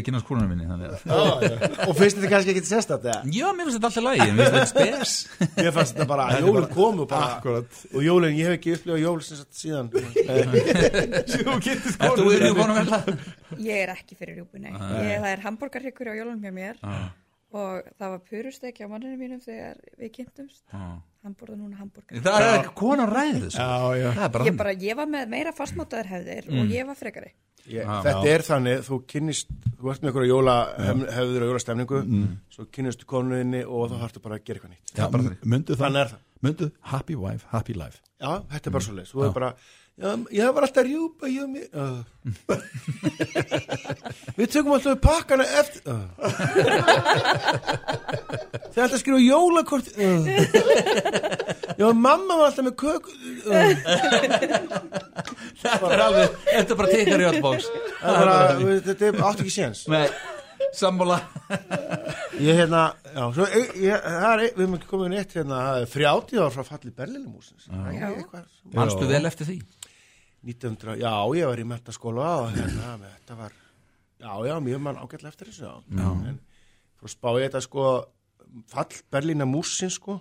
Og fyndi með, með múrar. Að múrar virðast vera svona turistattraksjón sko. Mm. Berlínar múrin mm. Kína múrin mm. Grát múrin. Svo er ykkur múr í, í hérna, Skotland, ykkur skosk, skoskur múr sem allir eru að koma þú veist svo verður örgulega múrin hérna, sem að Trump allra er sem er Mexiko og Bandaríkina það verður Nei, örgulega Colorado Sann- Hann hann- hann með sástöð Hann mistókst það eitthvað í landafræðinni. þannig að það verður örgulega vinsalt fyrir ferðamenn að skoða múr þannig að ef við viljum fá hérna fleiri túrista þá bara gerum við ykkur múr Já, þetta er, þetta er sóknartækifæri fyrir Íslandinga, ég er sammála því. En, en þú Erla, mannst eftir þessu? Herði ég alveg ofinni lítið með að, að þetta var stórt árið mér, ég, ég fættist. Já, einmitt. Þannig ég, ég man lítið eftir því, en er alltaf stórmerkilegt að fæðast á þessu árið. Þetta var greinlega stórmerkilegt ár Já, já, já, já. það er bara- vini mínu fóru, fóru hérna og sá tónleikana The Wall hérna, sem var Já. Já. það veist ég Freyr Eyjóls og Pétur Örn Já. Jesus fóru, fóru á það Já Herra, en, en helgin framöndan og það stendur mikið til hjá þér, Dóri Já, það er bara alveg svak kvöldtjómur í kvöld. Ég er að halda tónleika með hljónsveit sem ég er að spila lög sem ég hef samið í gegnum tíðina. Við erum þau mörg Já, ég er bara með lúksusvandamáli þarf að velja mér þess að úr sko. Já. Hvernig er tegund á tónlistu það? Vá, hvernig get ég útskýrt þetta maður? Þetta er bara eitthvað rugl sko. Þetta er, er rugglög já, mörgver sko. Þetta er, þetta er svona svolítið einlægt þetta er uh, Pop, pop, já, pop uh, þjóðlaga skotið, þetta eru kassagítarar. Country? Nei, kannski kanti, ég er með reggilag, ég er með rólegt lag, ég er með poplag rocklag já, bara allir anskotin sko. með fimmana band og Og undir hvaða nafni? Bara Dóri Gilva. Já, og ekki sólin Nei, ekki Sólufsrangiri, nei, Nei, Hún- nei Soul In, já, meinu nei, nei, nei. nei, hún er Kitty Casio er í, er í meðferð hann, hérna, Já, hann er ennþá þar, já. hann er búin að hann er sem stendur inn á vogi held ég Já, festist hann svolítið við þig eða, eða í Já. augum svona fólksins já, já, algjörlega og sko. ennþá vera að tala um Kita Casio Já, ég- sem var í, í, í nættuvettinni já, ég er bara að kalla það Kitty Casio út um allt sko. alveg, sko. bara alveg bara endurlust sko. En sérst í kvöld, hvar, hvar er það að spila sér? er ég er á Ölver í Glæsibæ Já. sem er svolítið skemmtilegt þetta er, þetta er sérst tónleikan yfirskrift tónleikan er menning og tónlist í útkverfin mm -hmm. þetta er ekki engamál lista eilitunar í miðbænum að vera með tónleika Þetta spila í þínu hverfi sem sagt. Já, þetta er í mínu hverfi og sérst, uh, tónlist og menning í sam, samspili við uh, verslun og þjónustu Já, En er ekki fyrir landan að, Já, ok. Eh, Að kíkja á þetta einhverstað á netinu Er til að koma inn á YouTube og svona Er ekki einhverstað sem maður getur fengið að heyra það? Nei, að ekki, ég er með engar upptökur sko. Mm. en þá en hérna, stendur nú til bóta kannski ekkert um hann en hérna Æ, nei, nei, þetta er bara Facebook í mig, það skoða þetta eitthvað, þá getið farið skúkla þetta, eða veist eitthvað. er þetta mjög svona alvarleg tónlist eða Bæði og, text, sko. textar en er, er ekki grín eða? Líka, já, þetta er sko bara, ég svona einlægt að syngjum svona um, fólki í kringum mig og vini og fjölskyldumælimi og, og svona og, og uppvöxt og, og svona alls konar svona persónlegt stöf og svo er líka grín og, og svona, þetta er svona, jú, það má alveg brosa út í annað af, af mörgum af þessum textum, sko. Ölver klukkan hvað? byrja klukkan nýju og það er uppbytun það er pöngarinn seris fjórir ætlar að já, sem er nú, sem er nú stórtíðindi sko. Já, það er það já. Hann ekki allir sér fá upphittun nei, nei, ég fæ uppbytun það, ég, býð svo vel og vinu minn, stórvinu minn, Hlynur Áskilsson nefni seris fjórir Já, já. hittu er, Já, Erla, hvað ætlar þú að bardúsa? Ekkert svona spennandi, sko. Ég er að flytja. já, það er nú spennandi ha, Já, Þú veist að engin veit hvað átt hefur fyrir flutt hefur já, ég hef flytt nokkuð oft. Veist alveg hvað átt? Já, það er alveg ótrúlega hvað allir í kringum mann verða allt í einu orðnir svakalega óléttir eða veikir eða herlendis eða ákveð ég er að fara að skila spólum og Æ, hvað ég vildi að ekki hringja hjálpa þér já, ég ætla að koma en ég er hérna er bakinu. Já, akkurat. Já. Já, gaman að fá okkur í heimsókn og bara góða helgi sem við gangi ykkur vel með þetta og þér í kvöld takk takk, Takk. takk. Fréttir, fróðleikur og skemmtun í bítið á bylgjunni Við erum sett hjá okkur Brynja Níelsson og Helga Vala Helgadóttir Komið þið sæl og velkomin og góðan daginn Sæl, Takk. Kanski að byrja þér, Helga Vala, þú ert með eh, litla grein í morgunblæðin í dag þar sem að þú ert að skjóta förstum skotum á Bjarnar Bendisson forman sjálfstæðslósins vegna þessa samþrjamáls við getum orðað á þannig Já, það aðalega bara vegna orða hans að því að hann einhvern veginn tók þetta mál og, og sendi það uh, til Namibíu og sagði að, að, að svona hluti gerast þegar spilling ríkir uh, eins og við sjáum að þar, þar er í stjórnkerfinu mm. og ég svona ég svona bara baðan uh, vænst að orða að kíkja aðeins heim sko mm. að því að hérna mér finnst einhvern veginn frekar lúalegt að við ætlum bara að, að skella skuldinni á spilta stjórnmálamenn í Namibíu Þetta er, þetta er stærsta sjárótusfyrirtæki á Íslandi sem að núna er, er, er grunnað um ímislegt misjamt mm -hmm. og við þurfum svona aðeins eh, hérna bara að horfa heim og, og, og, og, og taka e- ábyrgð á hluta af þessu sjálf sko. Mér finnst það. Hvað séð þú Brynjar um málið? Ég, um málið Mm. ég, sko, ég horfði bara á sjónvarsátt og, og sá þar alveg á- ásakanir sem voru bara stutt gognum og, og það er alveg þetta er alveg mál fyrir ekki, ekki bara eitthvað, þetta er bara fyrir Ísland sko. Mm -hmm. og var svona svolítið sorgmættu þegar ég sá sko yfirlýsingu samherja. Sko mér finnst að menn verði bara sko að bera ábyrð á þessu sko. Nú ætla ekki að setja dómar að sættu um sektaði sakleysi, ég er bara að segja þarna er greinilega vísbendingur um ólögulega ásemi mm -hmm. hvað sem sko hver sko þar bussið fyrir einhverju refsina með verknaðari skilur Mhm. þá bara fannst mér að menn að segja heyrðu, ég, ég tek ábyrð á þessu. Mhm. ég ætla að finna, fá botni í þetta og mun gera allt til þess.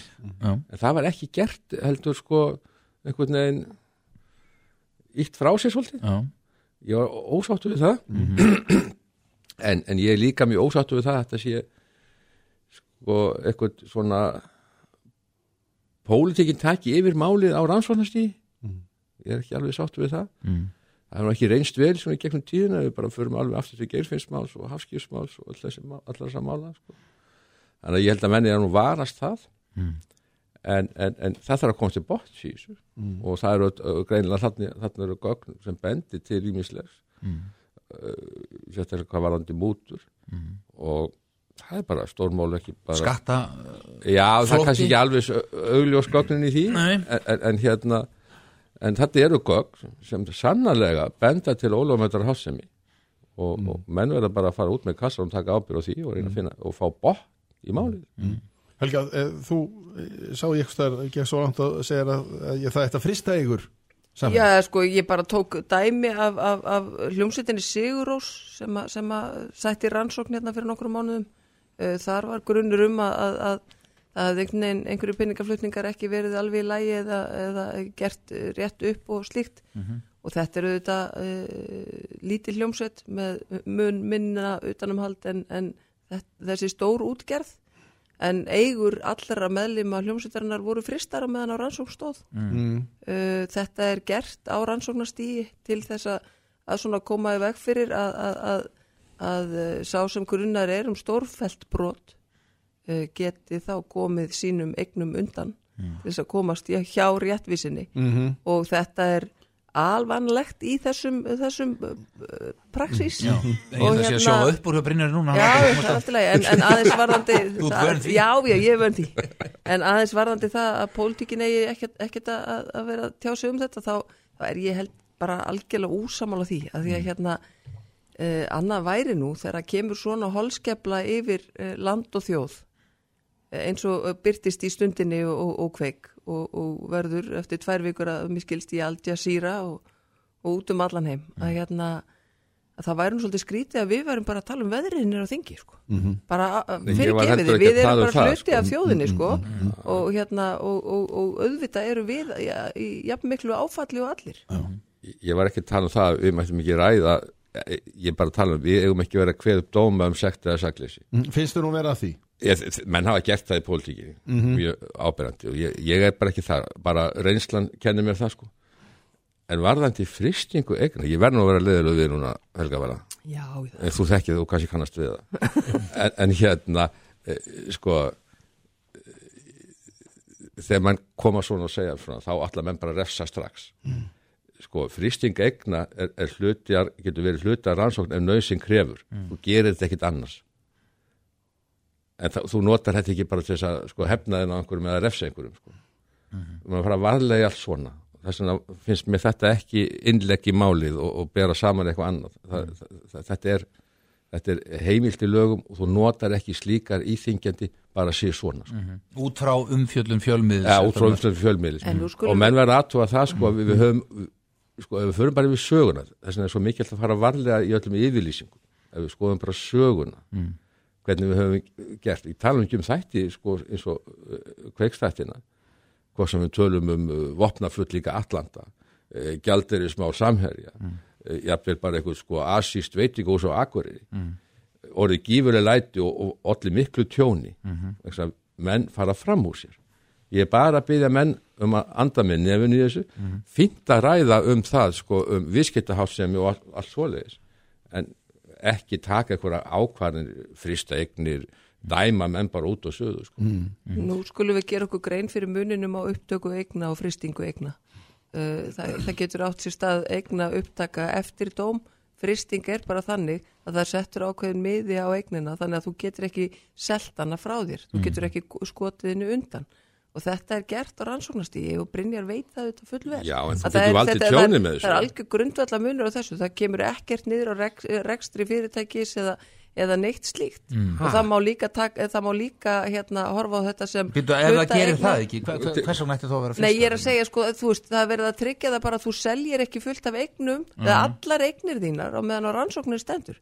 Ef e, sko, þeir sem að rannsóknin beinist að vita mögulega eitthvað fleira heldur en við hér. Eða hér að saksóknari sem blessunarlega er farin af stað á samt skattrannsóknarstjóra þið vitið, og þetta er bara tæki í, e, þetta er, er heimild í lögum uh, varðandi rannsóknir til þess að reyna að tryggja hagsmunni þá þeirra sem, sem brotið hefur verið á Já. Þetta er ekki bara uh, almennings Já, já. En þe- þe- Þetta er, þú notar ekki íþengt aðgerð sem getur valdið mönnum tjóni nema nöðsinn krefur Já, ég veit það vel En, en er En þarna getur verið nefnilega að það sé ákveði nöðsin og þess vegna var ég að benda á þetta. Ég meina hvaða nöðsin var að frista allar eignir sigurósar manna. Ég, ég mér langar bara að fólk horfi á þetta. Þannig er hljómsveit vissulega he- heimstækt. En sko öll núlin á eftir tölunni eru bara, þetta er, þetta er bara svo ótrúlega ólíkt dæmi. Þetta, er, þetta er svo mikill munur. Og við, við, veist, þetta er gert við einhverja svona, einhverja ekki, ekki, ekki, ekki smástráka en þetta er bara, þú veist, hljómsveit versus stærsta útgerðafélag landsins Ok, sem er- með næstu í 20% af öllum kvóta. Helga Válabrínir, þeir eru bæði lagfræðingar Er það alveg ljóst samkvæmt þessum gögnum að það voru brotin lög, íslensk lög Þannig í, í, í kveik? Uh, gögnin benda til Af því það er þess. að tala um að það sé sko þetta hafi gerst Já, erlendis það hefur ekkert, það skiptir engum máli. Sko, lögsagan í svona málum er, er þannig í Íslandum Alþjóðleg. já, já, já, já. lögsagan nær langt, langt, langt út fyrir íslensk landamæri. Af því að þetta eru svo alvarleg spillingarmál mútur og, og þess að það að hérna, þau, lögsagan nær langt út fyrir En hvað séu þú um þetta Brynjar að þú stundir ekki viðskipti á, í þessum löndum nema að, að, að borga mútur?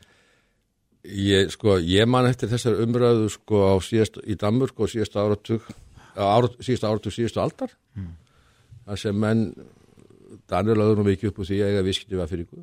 Og það var mikil umræðan það. Það var ekki hægt að eiga viðskipti þar nema að þurfa greiða gótið sinni að borga einhverju fólki.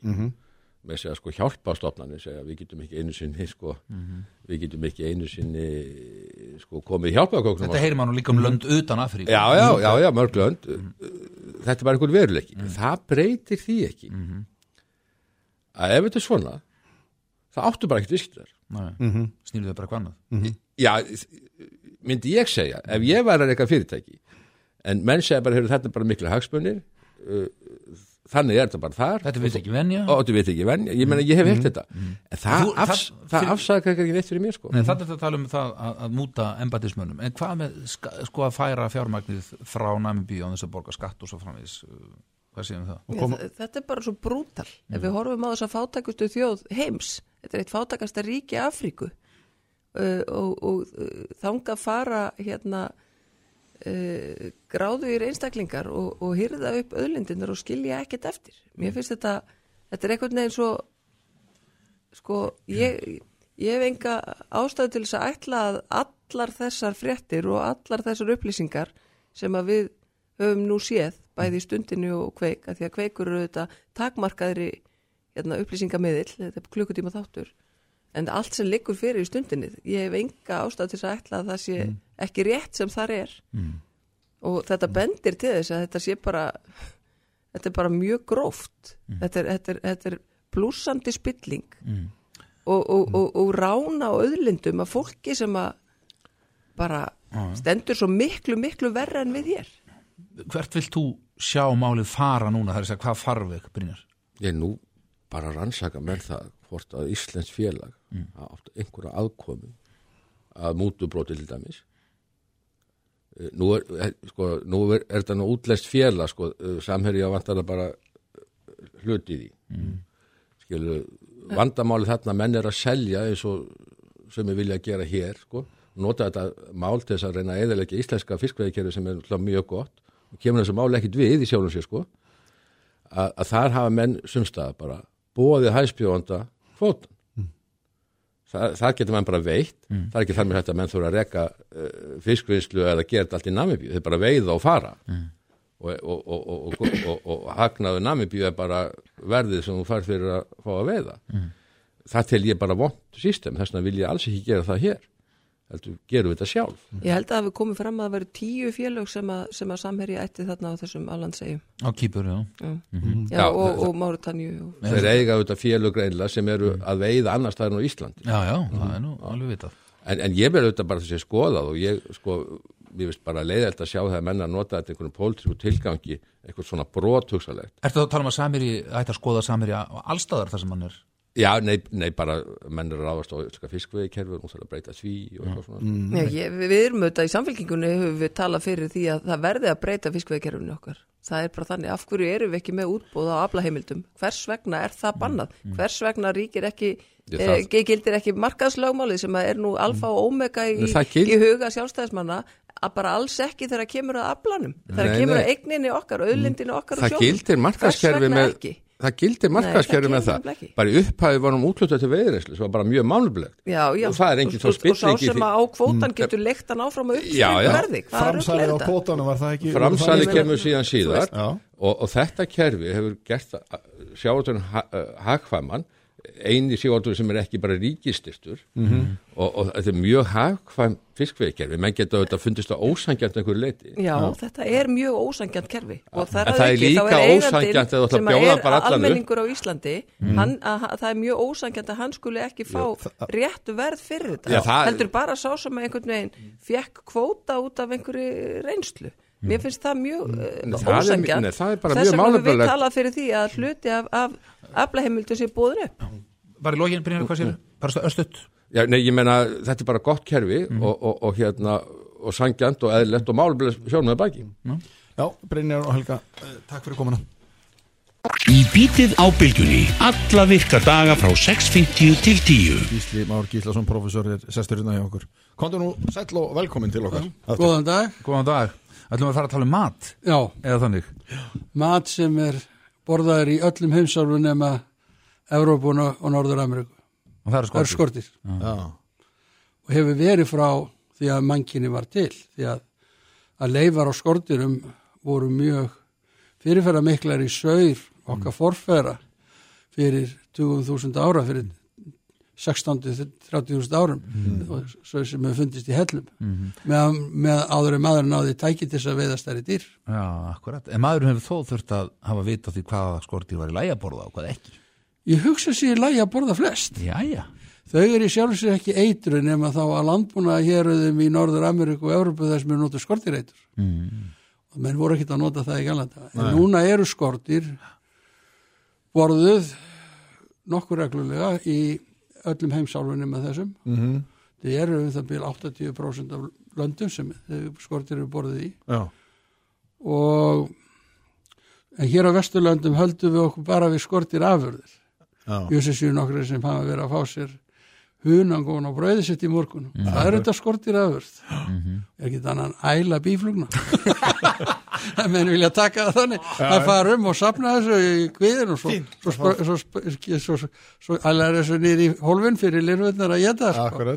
Já, við hlúðum þetta saman við frjókotn og búið til brauð þannig. Þannig að, en við okkur, við tengjumst alltaf skortir um einhvern veginn. En, Já.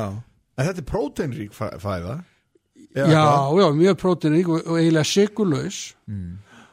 Orkan eru svona 500 kilokaloríur í hverjum 100 grammum.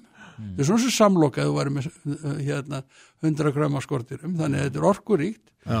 Það eru mikið, mikið af próteinum og fytu, en ekki, en, e- en Ekki kolvetni. Ekki kolvetni. Það er keto bara Næstu því, já. Já. Eina, eina sko, hérna, fjölsikra sem er í því er kítinni sjálft og við meltum það ekki. Mm. Já. Ekki frekar en það sem við borðum hérna eru svo rækjur sem eru frændur skortýra og Já, já. við erum með þessa kítin húðu utan á sér og við sleppum því yfirleitt en það ger ekki til Já. að, að taka hana með. Sko. Þannig að þú uh, er, er þá rækjur og humar flokka sem Nei, Nei. Þetta, er, þetta, eru, eru frændur. Sko. Frændur skortir það Já, þetta eru liðdýr Já. og sem er stærsti hópu dýra og, og skordýrin eru stærsti flokkur innan liðdýra Mm. en auðvitað er þetta sömu uppbygging og allt nema munun á rækjónu þar er niður í sjó sko. En hvaða skortir eru svona yfir dietin? Er þetta það eru aðalega lirfur, bjöllulirfur það er eh, svona það er svona þrýjungur af, af fæðutegundum skor, skortir sem nota sem fæðutegundir. Mm. og það er vegna þess að það er auðvelt að, að rækta. Mikið af þessu eru bara ræktu skortir sko, til, til matalaframlöslu og mjölbjöllur er sennilega það er algengustu mm. meðris þetta er gert í litlu mæli hérna í Európu og í Norður Ameríku Mhm. það eru tvö veitingahústið þessi í Vancouver sem er að selja skortýramat eða skortýr sem mat.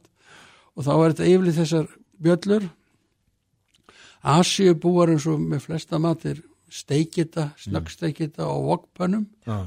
kryddita þetta er mjög gott Þú smakað það? Já, já, já, já. Já. Ég hef smakað marga tegundir skortýra og það eru öll góð og mismunandi matrætt en flest eru sko eins og kakkalakarnir og engisbrettunar og þessar lirfur eru svona snöggstektar en það er líka til grillaðar engisbrettur Já. og og í London getur ég kipta niðursvanar í dósum Gísli, aðeins að stoppa þig. Eh, Hlustandi sem eru að bora morgumótin fyrir gefiði Nýður svona í dósum. Já, já, já, Ko- Koma er það bara frá Afriku Já, ég meina koma er bara í, í bara í, það er ekkert búið að meðhöndla þenni þannig bara- Nei, nei, nei, nei, nei, nei, þetta er bara, þetta er ágæti smatu, það er bara fólki finnst þetta einhvern veginn mm. ógislegt einhverja hluta vegna. Mm. Þetta eru, en þetta, menni horfa á þetta í framtíðinni sem prótingjafa, því að að framleiða kíló af skortýrum Mm. þarf óskaplega lítið vatn meðan þarfnast í þrjú tonna vatni til þess að framlega nautakjött sem Já. er kíló. Já. Þetta er munun og lítur á Suður-Afrikuríki sem öll er á, á, á, á, hérna, á skömmtun af vatni. Það er hver einasta spræna að búa stíplana og, og þess að ná í uppistöðu vatn fyrir landbúnaðin og nautkarverð. Þá horfa menn á, á, á skortir sem framtíða prótingjafa. Heldur þetta sé kannski bara spurningum eh, ekki hvort heldur hvenar við þurfum að voru þetta hér Ég hugsa að koma á Vesturlöndu fyrir eða síðar. Ég á ekki vona öðru. Þetta, þetta er ágættis matur, þetta matur er hann á fínan hátt og, og hann er ekki tættulegur. Nei. Ég veit um ekkert skortir sem er eitrað að borða meira sér þetta sportrekar sem eru nú ekki skortir, mm. svo mannst þið áttvellur, Átt, ja, að, að, að að þeir þennan eiturbrot, þá eru þeir ekkert eitraðir Nei. Og við sjáum að fuglar, na, ég bara komast vel af að ég þetta skortir um allan neymis, að flesti mófuglarnar okkar eru skortirætur fiskarnir í vötnunum okkar eru að geta skortir mm. En hvað með til dæmis bara við? Getum við til dæmis bara farið að sapna flugum hérna og, og, og, og steikt flugu, bara húsflugur og svona? Segir- við gætum gert það, það er nú smáar og, svona, en, en það er svo erfitt að vera að reyna að veiða þetta vilt þú nærið ekkert svo mörgum eintökum. Nei. En ef ég væri ægilega svangur, þá er alltaf lægi að gera það. var alltaf að gera en ég hugsa sko þegar í framtíðinni þá verður þetta ræktað. Mm. Á, á mjölið, einhverju lélugu mjöli og Já, og það er sér lirfur lerfurna verða þá jætnar en ekki fullóta dýrin. Já. en þó er hægt að borða fullóta bjöllur. Mm. og ég fekk einu sinni manni í Malasíu fullótar bjöllur sem var búið að þurka eins og harfisk Já, og það var svo skrítið, það var sama bræðu og harfiskja, mjög líkt. En þegar maður beit í þar þá voru þetta eins og að býta í netu það er svona allt í hennu brotnu þannig að það voru öðruvísundi tönn heldur en steinbíturinn að vestan. Já, harfiskurinn, en það er bara prótein líka, harfiskurinn. já, já, það er bara prótein, Já. já, reynt prótein og mi miklu betra en þetta sem sem eru að kaupa hérna í púðri og ræður út í vatni. En það er einmitt, já, talandi einmitt um það að það nú, hefur nú verið rætt að við höfum við ekki verið að gera einhverja tilraunir með krippustykki og með einhver að, að það er að segja að taka lirurnar og, og setja þetta og þurka þær og í, í mjöl já, já, og búa til alls konar mat úr þeim. Jú, það er hægt að kaupa skortirar sem, fæðu, sem er búið að um, mala.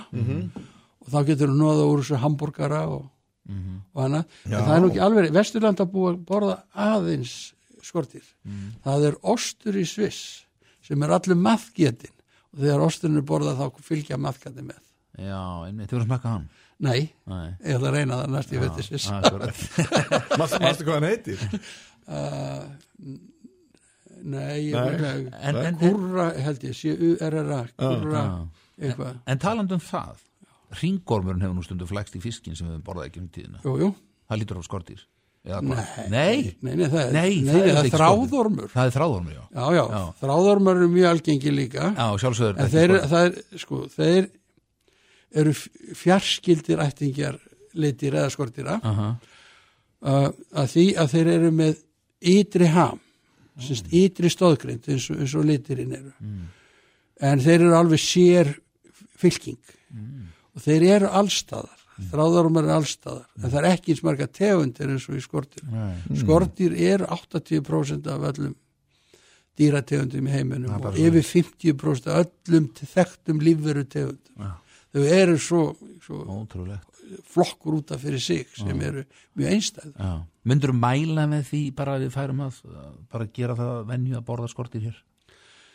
Nei, vegna þess að það er því miklu ódýra fyrir okkur að kaupa fisk eða kjött hérna eins og, eins og, eins og er sko. Já, og er. Mm. það, það, þetta þýtti það að þú þurftur að koma um ræktun og, og þú, þá ertu hérna, ef ykkur fær út í þetta þá er því það sennilega dýrara heldur en, Mm. heldur en fiskurinn og sjónum og, Já. og kjötu sem við kaupum Já, en, en eh, þegar að kannski inn í framtíðina þegar við erum erfiðar að nálgast sko reynd prótein að þá munum við fara út í þetta kannski meira. Já, já, og þeim tekst þetta vel í, í Suðustur Asju, þar er þetta þetta er bara markuðum og ferða að marka og kaupur bara skortir, þau eru þarna Já, já. innan um alla hinavörun og þá eru þau með bú kosturinn við þessi bú, þau þurfa svo lítið pláss Já.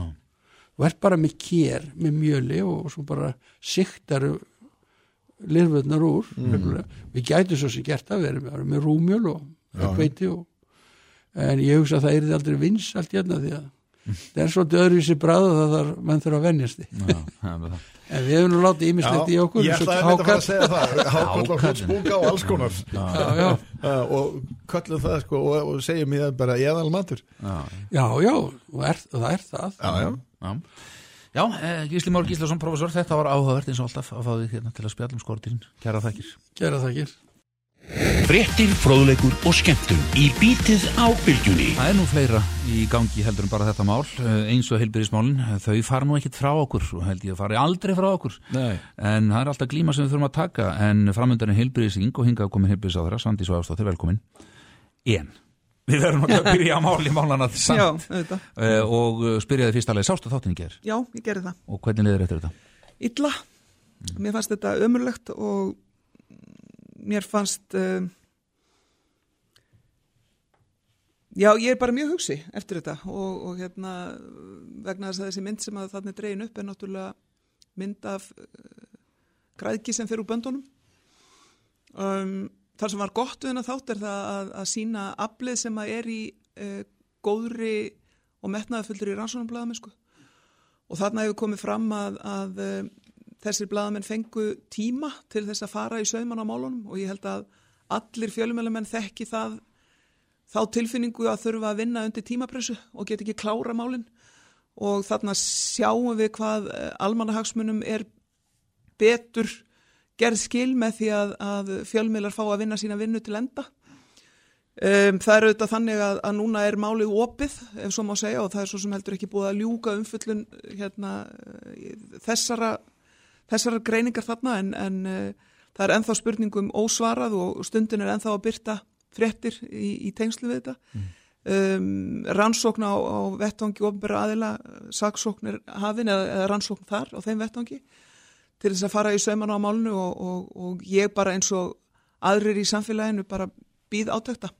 Mm Þannig að þú vilt gefa mönnum tæki frá að verja sig kannski í þessum Já, ásökunum. ég meina, mér finnst það allavega aðal málið að við sjáum myndina, heildarmyndina að dragast upp og, og það er sannarlega mörgum spurningum ósvarað og, og þarna erum að ræða alveg gríðarlega stóran geranda í íslensku atvinnlífi Mhm. og, og það er, það er stórmál uh, það, það er áverðingar í raun og veru sem að þarna koma fram og, og það verður að, að koma spotni í það uh, hvað er hæft í því sem að þarna uh, er nefnt og, og það er komið í farveg. Já, en, þarf það ekki að gerast svolítið hrætt? Jú, það þarf að gerast rætt, en það þarf að gerast vel. Átt, Áttu hún á því að þetta veri rætt sérstaklega í ríkstjóðinni? Ég eh, átta mig bara ekki alveg á því. Það var ríkistjórnafundur í gær og, og næsti fundur er á föstudaginn og við höfum haft þann háttin á að uh, mál sem eru rætt í ríkistjórnar eru mál sem að ráþurrar bera inn með minnisbladi með því að ákveða þá að setja sérstök mál á dagskrá. Þannig eru ríkistjórnafundur mjög formfastir en á föstudögum þá höfum við tíma uh, fyrir óformlega ríkistjórnafund milli nýju og hálf tíu. Það er Það er svona mm, aðferð sem að, sem að Katrín hefur innleitt í raun og veru í því að stýra ríkistjórninni þannig að þá höfum við tíma án empatismanna til að ræða pólitíkina Mhm. Og uh, þá ræðum við þau mál sem að eru efst á baui hverju sinni. Já. Þannig ég, ég finnst ekki ólíklegt að þetta ber á góma með svo. En kannski eitt í máli viðbót uh, áður en við förum í, í, í heilbyrðistingið og það var nú einn sem sett inn á Facebookin í gæra það eru kannski þeir sem eru ánæðistir með eða allavega, eh, já ánæðistir með þennan flutninga, eða fréttaflutninga samverður þeir sem að stýra Reykjalundi það er að segja nú fer fókusin á, á, á frá Reykjalundi en ef við kannski klárum það Mhm. hver er staðan þar núna? Um, í gerðmorgun þá held ég uh, eða baði ég um að bóða þeir eru stafsmannafundur og ég hitti alla stafsmenn Reykjalundar, ég hugsa að það hafi verið hátt í þessar 200 sem að þar starfa Mm.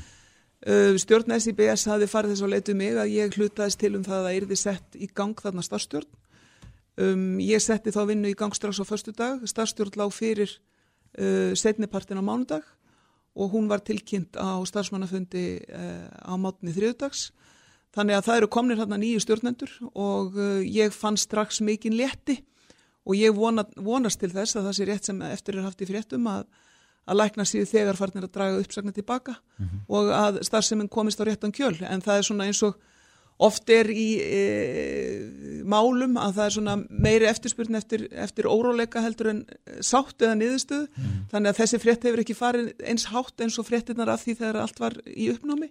En ég vonast til þess, þetta er náttúrulega slíkt eh, sko, flagskip í íslenskri endurhæfingu og, og við þólum það ekkert til uh, langrar framtíðar að þarna sé allt í uppnámi. Þannig að ég vonast til þess að, að málinn séu komin aftur á kjöl, það tekur auðvitað einhver tíma Mhm. að, að hérna, koma öllu saman aftur í samt lag en, en ég vonast til þess að, að, að með þessum öflugu stjórnendum sem þarna fengust til þess að Mhm. gangi þetta verkefni Já. að, að þetta sé komið uh, til að vera. Já, en uh, heilbriðsling Já. farmundan, um, við viljum aðeins að rafum það líka við þig og, og við spyrjum bara einfallega hvað verður þar aðalega rætt og mun það skila einhverju?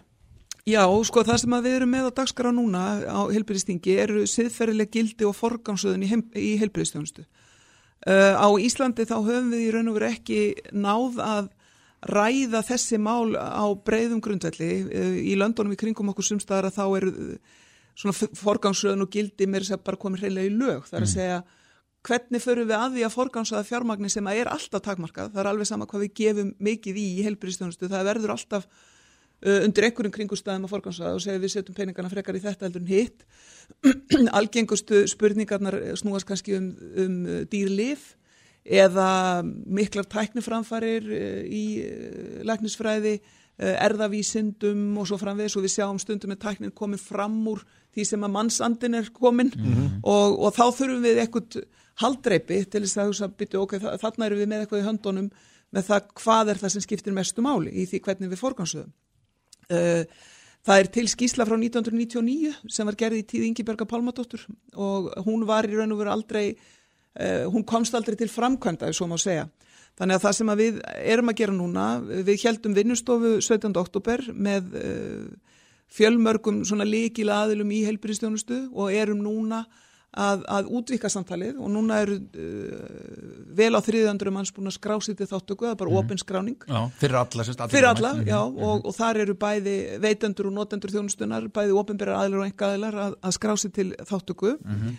Og það sem að ég vil sjá sem niðurstöðu úr þeirri vinnu er að ég geti verið með einhvers konar þingsalugtunartillögu eða eitthvað sem að ég fer með til alþingis og, og alþingi vinnur síðan úr og afgreiður vonandi sem uh, einhvers konar undirstöðu að því hvernig við viljum forgansaða í íslensku helbriðskerfi. Þannig að með því að hlusta bæð á notendur og fagfólki í Já, stjórnum. með því að gera það og, og ég, það kann að vera að þetta sé um, bjart síni en mér finnst sko allstaðar það sem að ég nefni þetta fólk taka þessu vel Mhm. og, og uh, alveg þverrpolítíst og hvort sem eru notendur eða veitendur en það sem er kannski áskorunin er er að hefja þetta svona upp úr hinnu daglega þrasi Já. að við séum þarna að tala um uh, hvernig við viljum undirbyggja þjónustuna til lengri framtíðar Mhm. uh, þarna tóast á uh, svona, hvað ég segja, svona heimsbyggileg sjónamið eins og bara mannhelgi og virðing fyrir mannlegri reistn og, og, og þeir þættir sem við þekkjum allir umræðanum Mhm. og, og, og þörfin í samfélaginu, samstaðan Mm. í samfélaginu um það að við viljum allir njóti þjónustu óháð efnahag og búsetu og allt þetta og síðan hins sjónamiðin sem eru bara hagkvæmnin og, og skilvirknin Akkurat. og, þau sjónamið. En ég þykist þetta óskmargra er að, að, að, að við gætum los, losað okkur pólitíkina úr heilbriðiskjörnum. Er það, verður það nokkuð mann hægt alveg? Já, sko, ég myndi vilja sjá að við, og það var náttúrulega það sem ég var að reyna að gera líka með heilbyrði stefnunni, að við værum með sterkari grundvöld að, að umræðum heilbyrðismál væri ekki bara málumni dagsins, að við værum alltaf með eitthvað grunn sem við værum þó sammálum. En er það ekki erfið til dæmis fyrir stjórnmálumann eins og þig að vera heilbyrðisáþara og kannski þurfa samþykja eitthvað sem gengur gegn þínum skoðunum í þessum málum? Nei, það er alls ekkert erfitt sko. Ég, eh, sko. Það sem er kannski mikilvægt að halda til haga er það að, að ráþeira hefur alltaf tvö hlutverk. Ráþeira er annars vegar embættismæður mm -hmm. sem að framkvæmir bara samkvæmt samþygt alþingis og hefur engar aðrar heimildir og hins vegar er, er, er ráþeira getur maður sagt svona pólitísku leiðtói í sínum málaflokki. Já, en ráð þeirra leggur fram af, sko, frumvarp á þingi uh, og hann gerir, leggur aldrei neitt fram sem hann kannski endilega er á móti eða hvað? Nei, ekki sem hann er beilinnis á móti og, og, en mér finnst ekki spenda til þess að, að svo verði í þessu máli Nei. vegna þess að þarna erum við í raun og veru ekki að tala um svart og hvitt, við erum að tala um mm. það hvaða, hvaða tóna við viljum draga upp uh, varðandi þennan grundvöld og ég held að og, og það var einmitt það kannski sem ég var hugsið að því við byrjuðum hérna að tala um, um þennan þessa afhjúpun uh, í, í sjónvarpunni gær uh, varðandi samherja að, að uh, það skiptir mjög miklu máli fyrir samfélag að, að vera uh, að hafa farið í gegnum þessa umræðum um það fyrir hvað stöndu við, hvernig mm. samfélag eru við, hvernig þjóð eru við, hvað viljum við, hvað finnst okkur rétt og, og hvað finnst okkur ránt Uh, viljum við ekki vera heilsteift og heiðarleg mm, og, og byggja á jöfnuð og svo framvegis en við þurfum að ræða það líka Er spilling í helbriðskerfuna? Ég hef nú ekki séð uh, einhver sérstökum merki um spillingu í heilbriðskerfinu en, en það er hins vegar uh, mjög víða þannig að það er hægt að gera betur og, og það er... Er, er það misnótað einhver liti?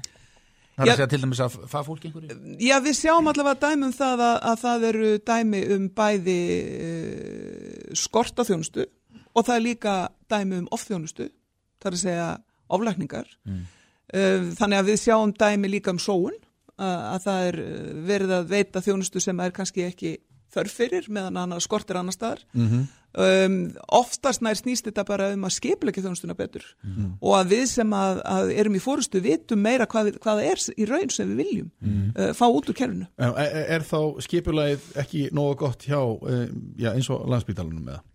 Já, það bara er ekki nógu gott í heldina sko og, og eitt af því sem að það er nú kaplið nummið tvö þannig í heilbyrðistefni það tölum við um rétt þjónust á réttum stað mm.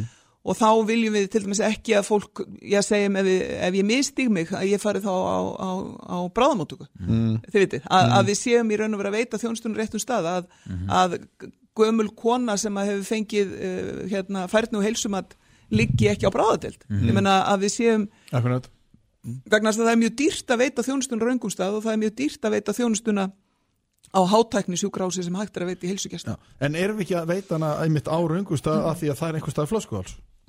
Já, það er að því að, það þarf, að því að það þarf að gera betur í skipulagi og að því að Já. við höfum ekki verið með uh, heilbyrði stefnu til þess að skýra þennan fókus fyrir en núna fyrir nokkru mánuðum mm -hmm.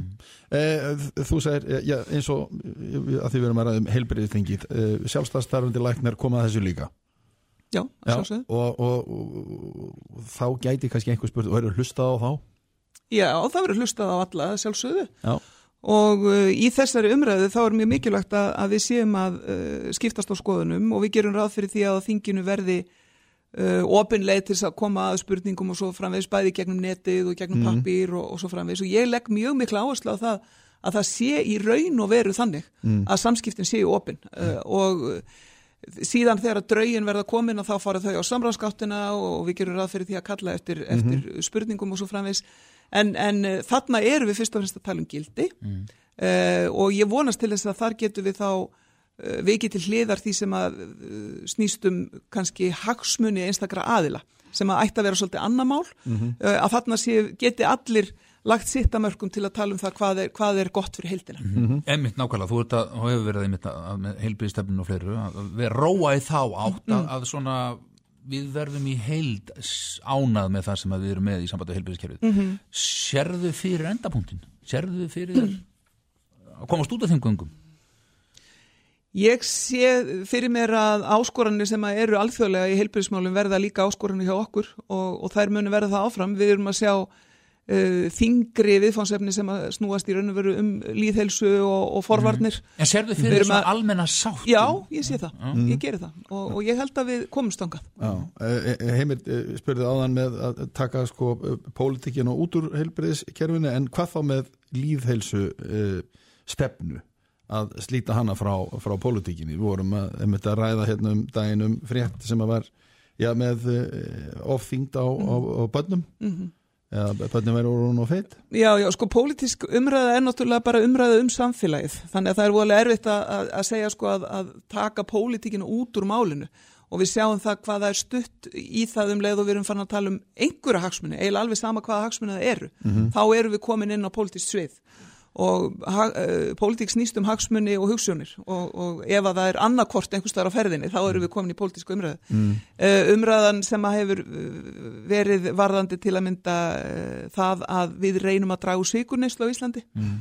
að þá er, við, þá er alltaf mjög stutt í umræðan um sikurskattin og þá er mjög stutt í umræðana um, um hérna hagsmunni þeirra sem að hafa hagað því að, Mhm. að, að selja sigraðar vörur og, og þá náttúrulega tógar umræðan í þá áttina og, og mitt verkefni er að reyna að byggja á sko faglegum úttektum og, og raunverulegum tölum. Já, og, og fræðslu líka Og fræðslu, fræðsla að koma þess inn í skólakerfið á, á star, um leið og börnum koma eh, af leikskólanum og upp í grunnskólakerfið. Já, það er mjög mikið sem við höfum þegar komið inn í kerfin okkar, bæði grunn- og leikskólakerfi og við þekkjum nú umræðina um umhverfismálinn sem eru orðin bara partur af, af daglegu lífi leik- og grunnskólabarna Mhm. og, og umræðan um, um holt mataræði og svo framvegis á líka erindi þangað Mhm. en, en eh, svona þær ábendingar sem við erum að fá til dæmis frá alþjóða heilbyrðismálastofnunin og þeirra, þeim sem að best þekkja til segja að við verðum að vera með eh, blandaða leiðir, við verðum líka að nota efnagslega kvata Mhm. uh, bæði sko, sem eru náttúrulega ætlaðir til þess að hafa áhrif á neslu uh, kannski fyrst og fremst það að, að uh,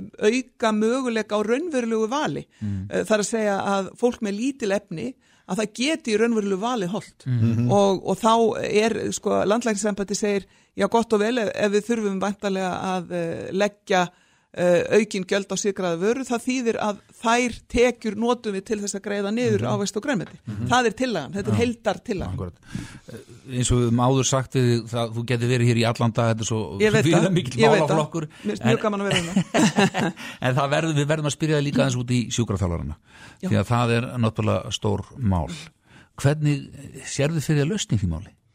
Já, það verður að leysa það mál. Mm. Það er ekki tækt að leysa það en ekki. þá verður fólk að koma saman er það ekki að Þá verður fólk að koma saman og um, málið er statt þar akkurat núna. Ég talaði nú reynda við fórstöru sjúkratrygginga í gerkvöldi og, Mm. og horfið á hann að sitja fyrir svörum í... í Kastljósi? Já, í kastljósinu eða í, frétt, í fréttum rúf. Mm.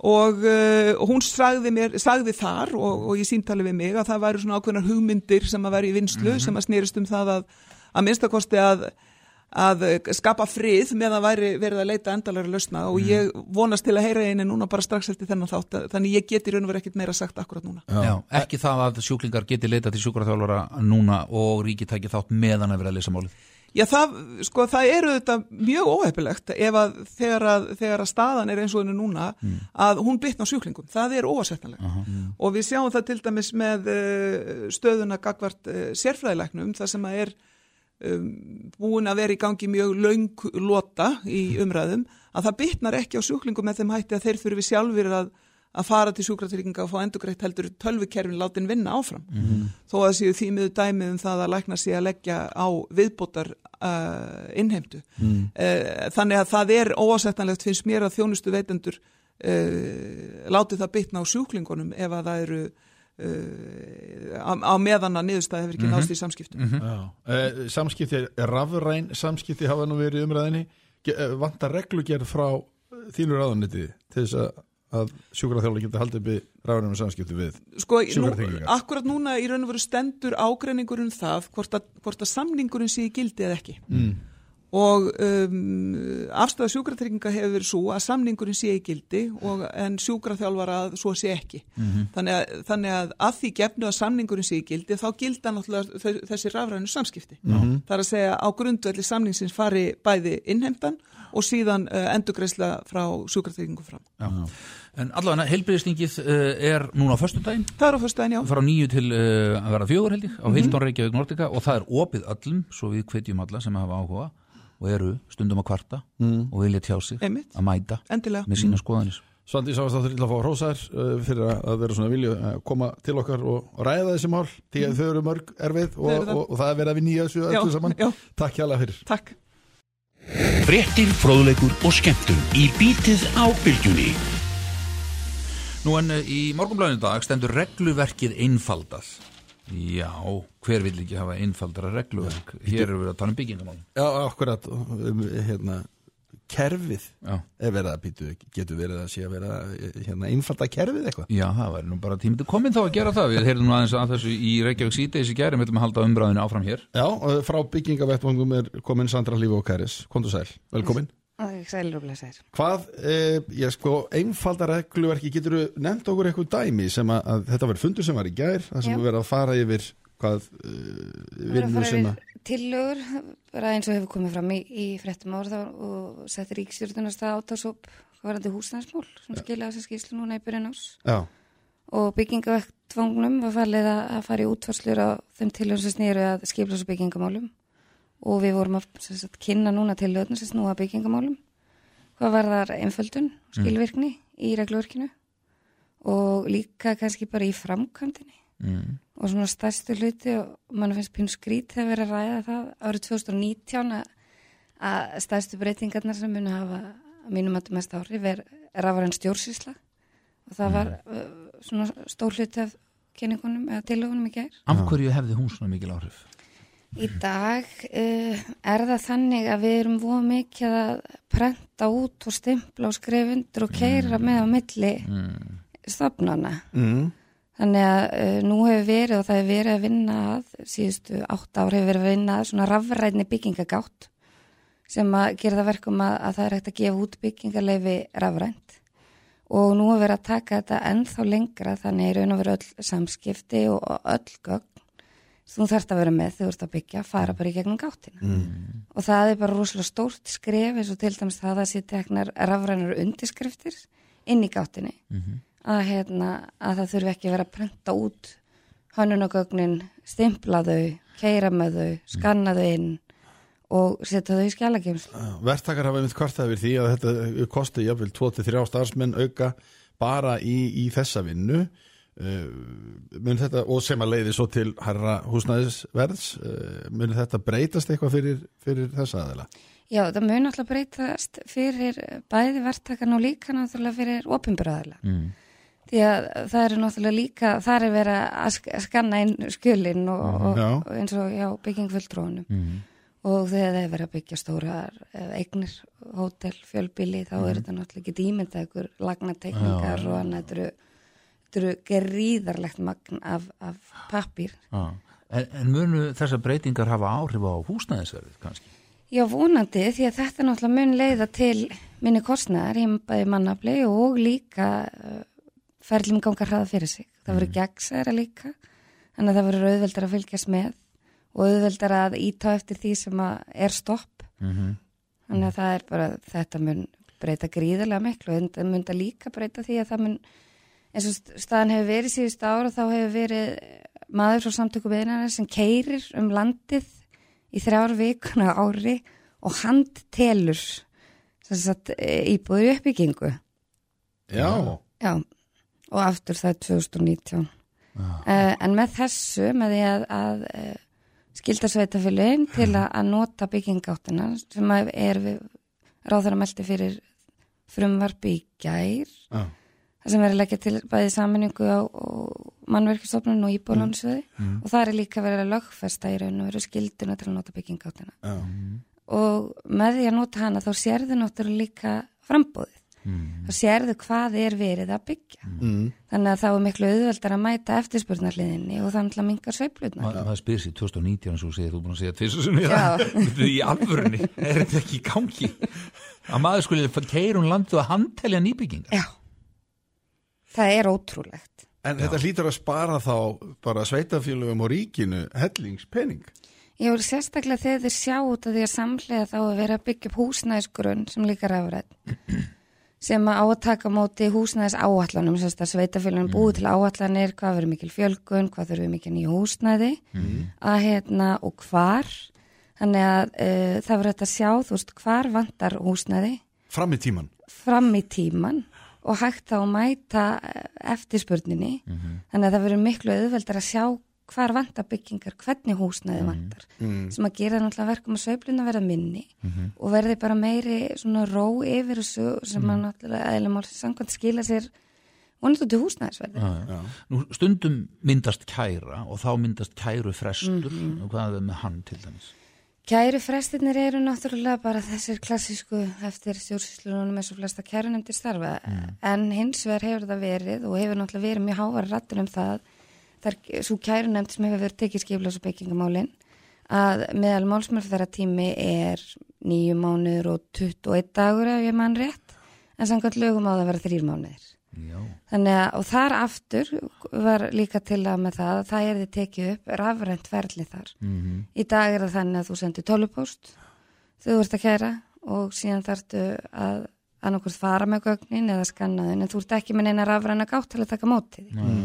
Þannig að bara þá það hefur reynst vel hjá hérna, öðrum nefndum að taka bara upp algjörlega rafrænt og það er með að tekist að stýtta tíma neyri bara lögbundin frest. Því það er náttúrulega dýrt tími peningar Mhm. Þannig að ef að þú ert með eitthvað og, og sér, horfir fram á það nokkurt á ég að kæra þetta Mm.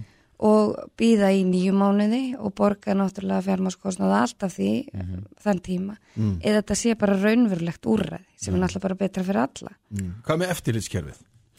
Eftirlitskerfið, e, það verður náttúrulega, viljum að snýra þau að flokka mannvirki sem sagt eftir svona samfélagslegu mikilvægi. Í dag er fyrir ekki fram flokkuna, sko, var þetta eftirlit og reglur hvort þú ert að byggja einbýlishús eða hátæknisjúkrahús.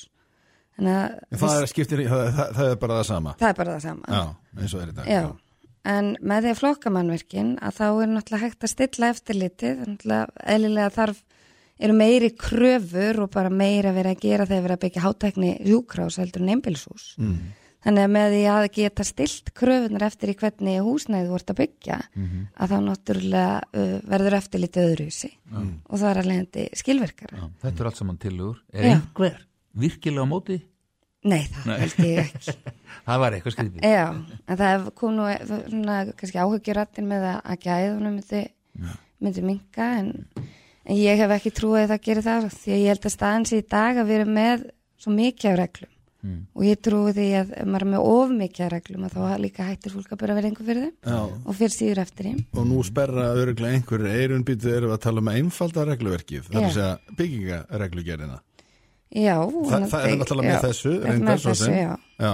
Og svo náttúrulega er það líka bara samlega því sem að uh, hefur í gangi með uh, úttækt frá OCD sem að Já. uh, nýsköpunar yðnar og ferðmálaráðara Mm. Setti að stað og svo nefnd mun skila líka núna næsta ári. Já, þetta eru tillögur uh, Hvernig áttu vonaði að þetta fara allt saman í gegn?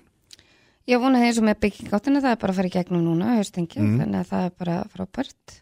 Síðan uh, vonandi bara núna eftir áramót mun þessi vinna halda áfram. Já. Þetta þarf að náttúrulega uh, útfæra þetta og vinna svona reglugerðabreitingar og, og Mhm. slíkt. Þannig að þetta bara, ég bara hef trú á því að, að þetta muni skila sér með vorunu. Já, og vonandi, eins og heimil saði hérna læra fastinnaverði Já, það var nú óskandi.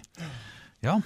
Sandra Hlíf og Garis uh, frá bygginga vettvangum Takk fyrir komin á gangið vel. Takk fyrir mig. Hlustaðu hvena sem er á í bítið hlaðvarp.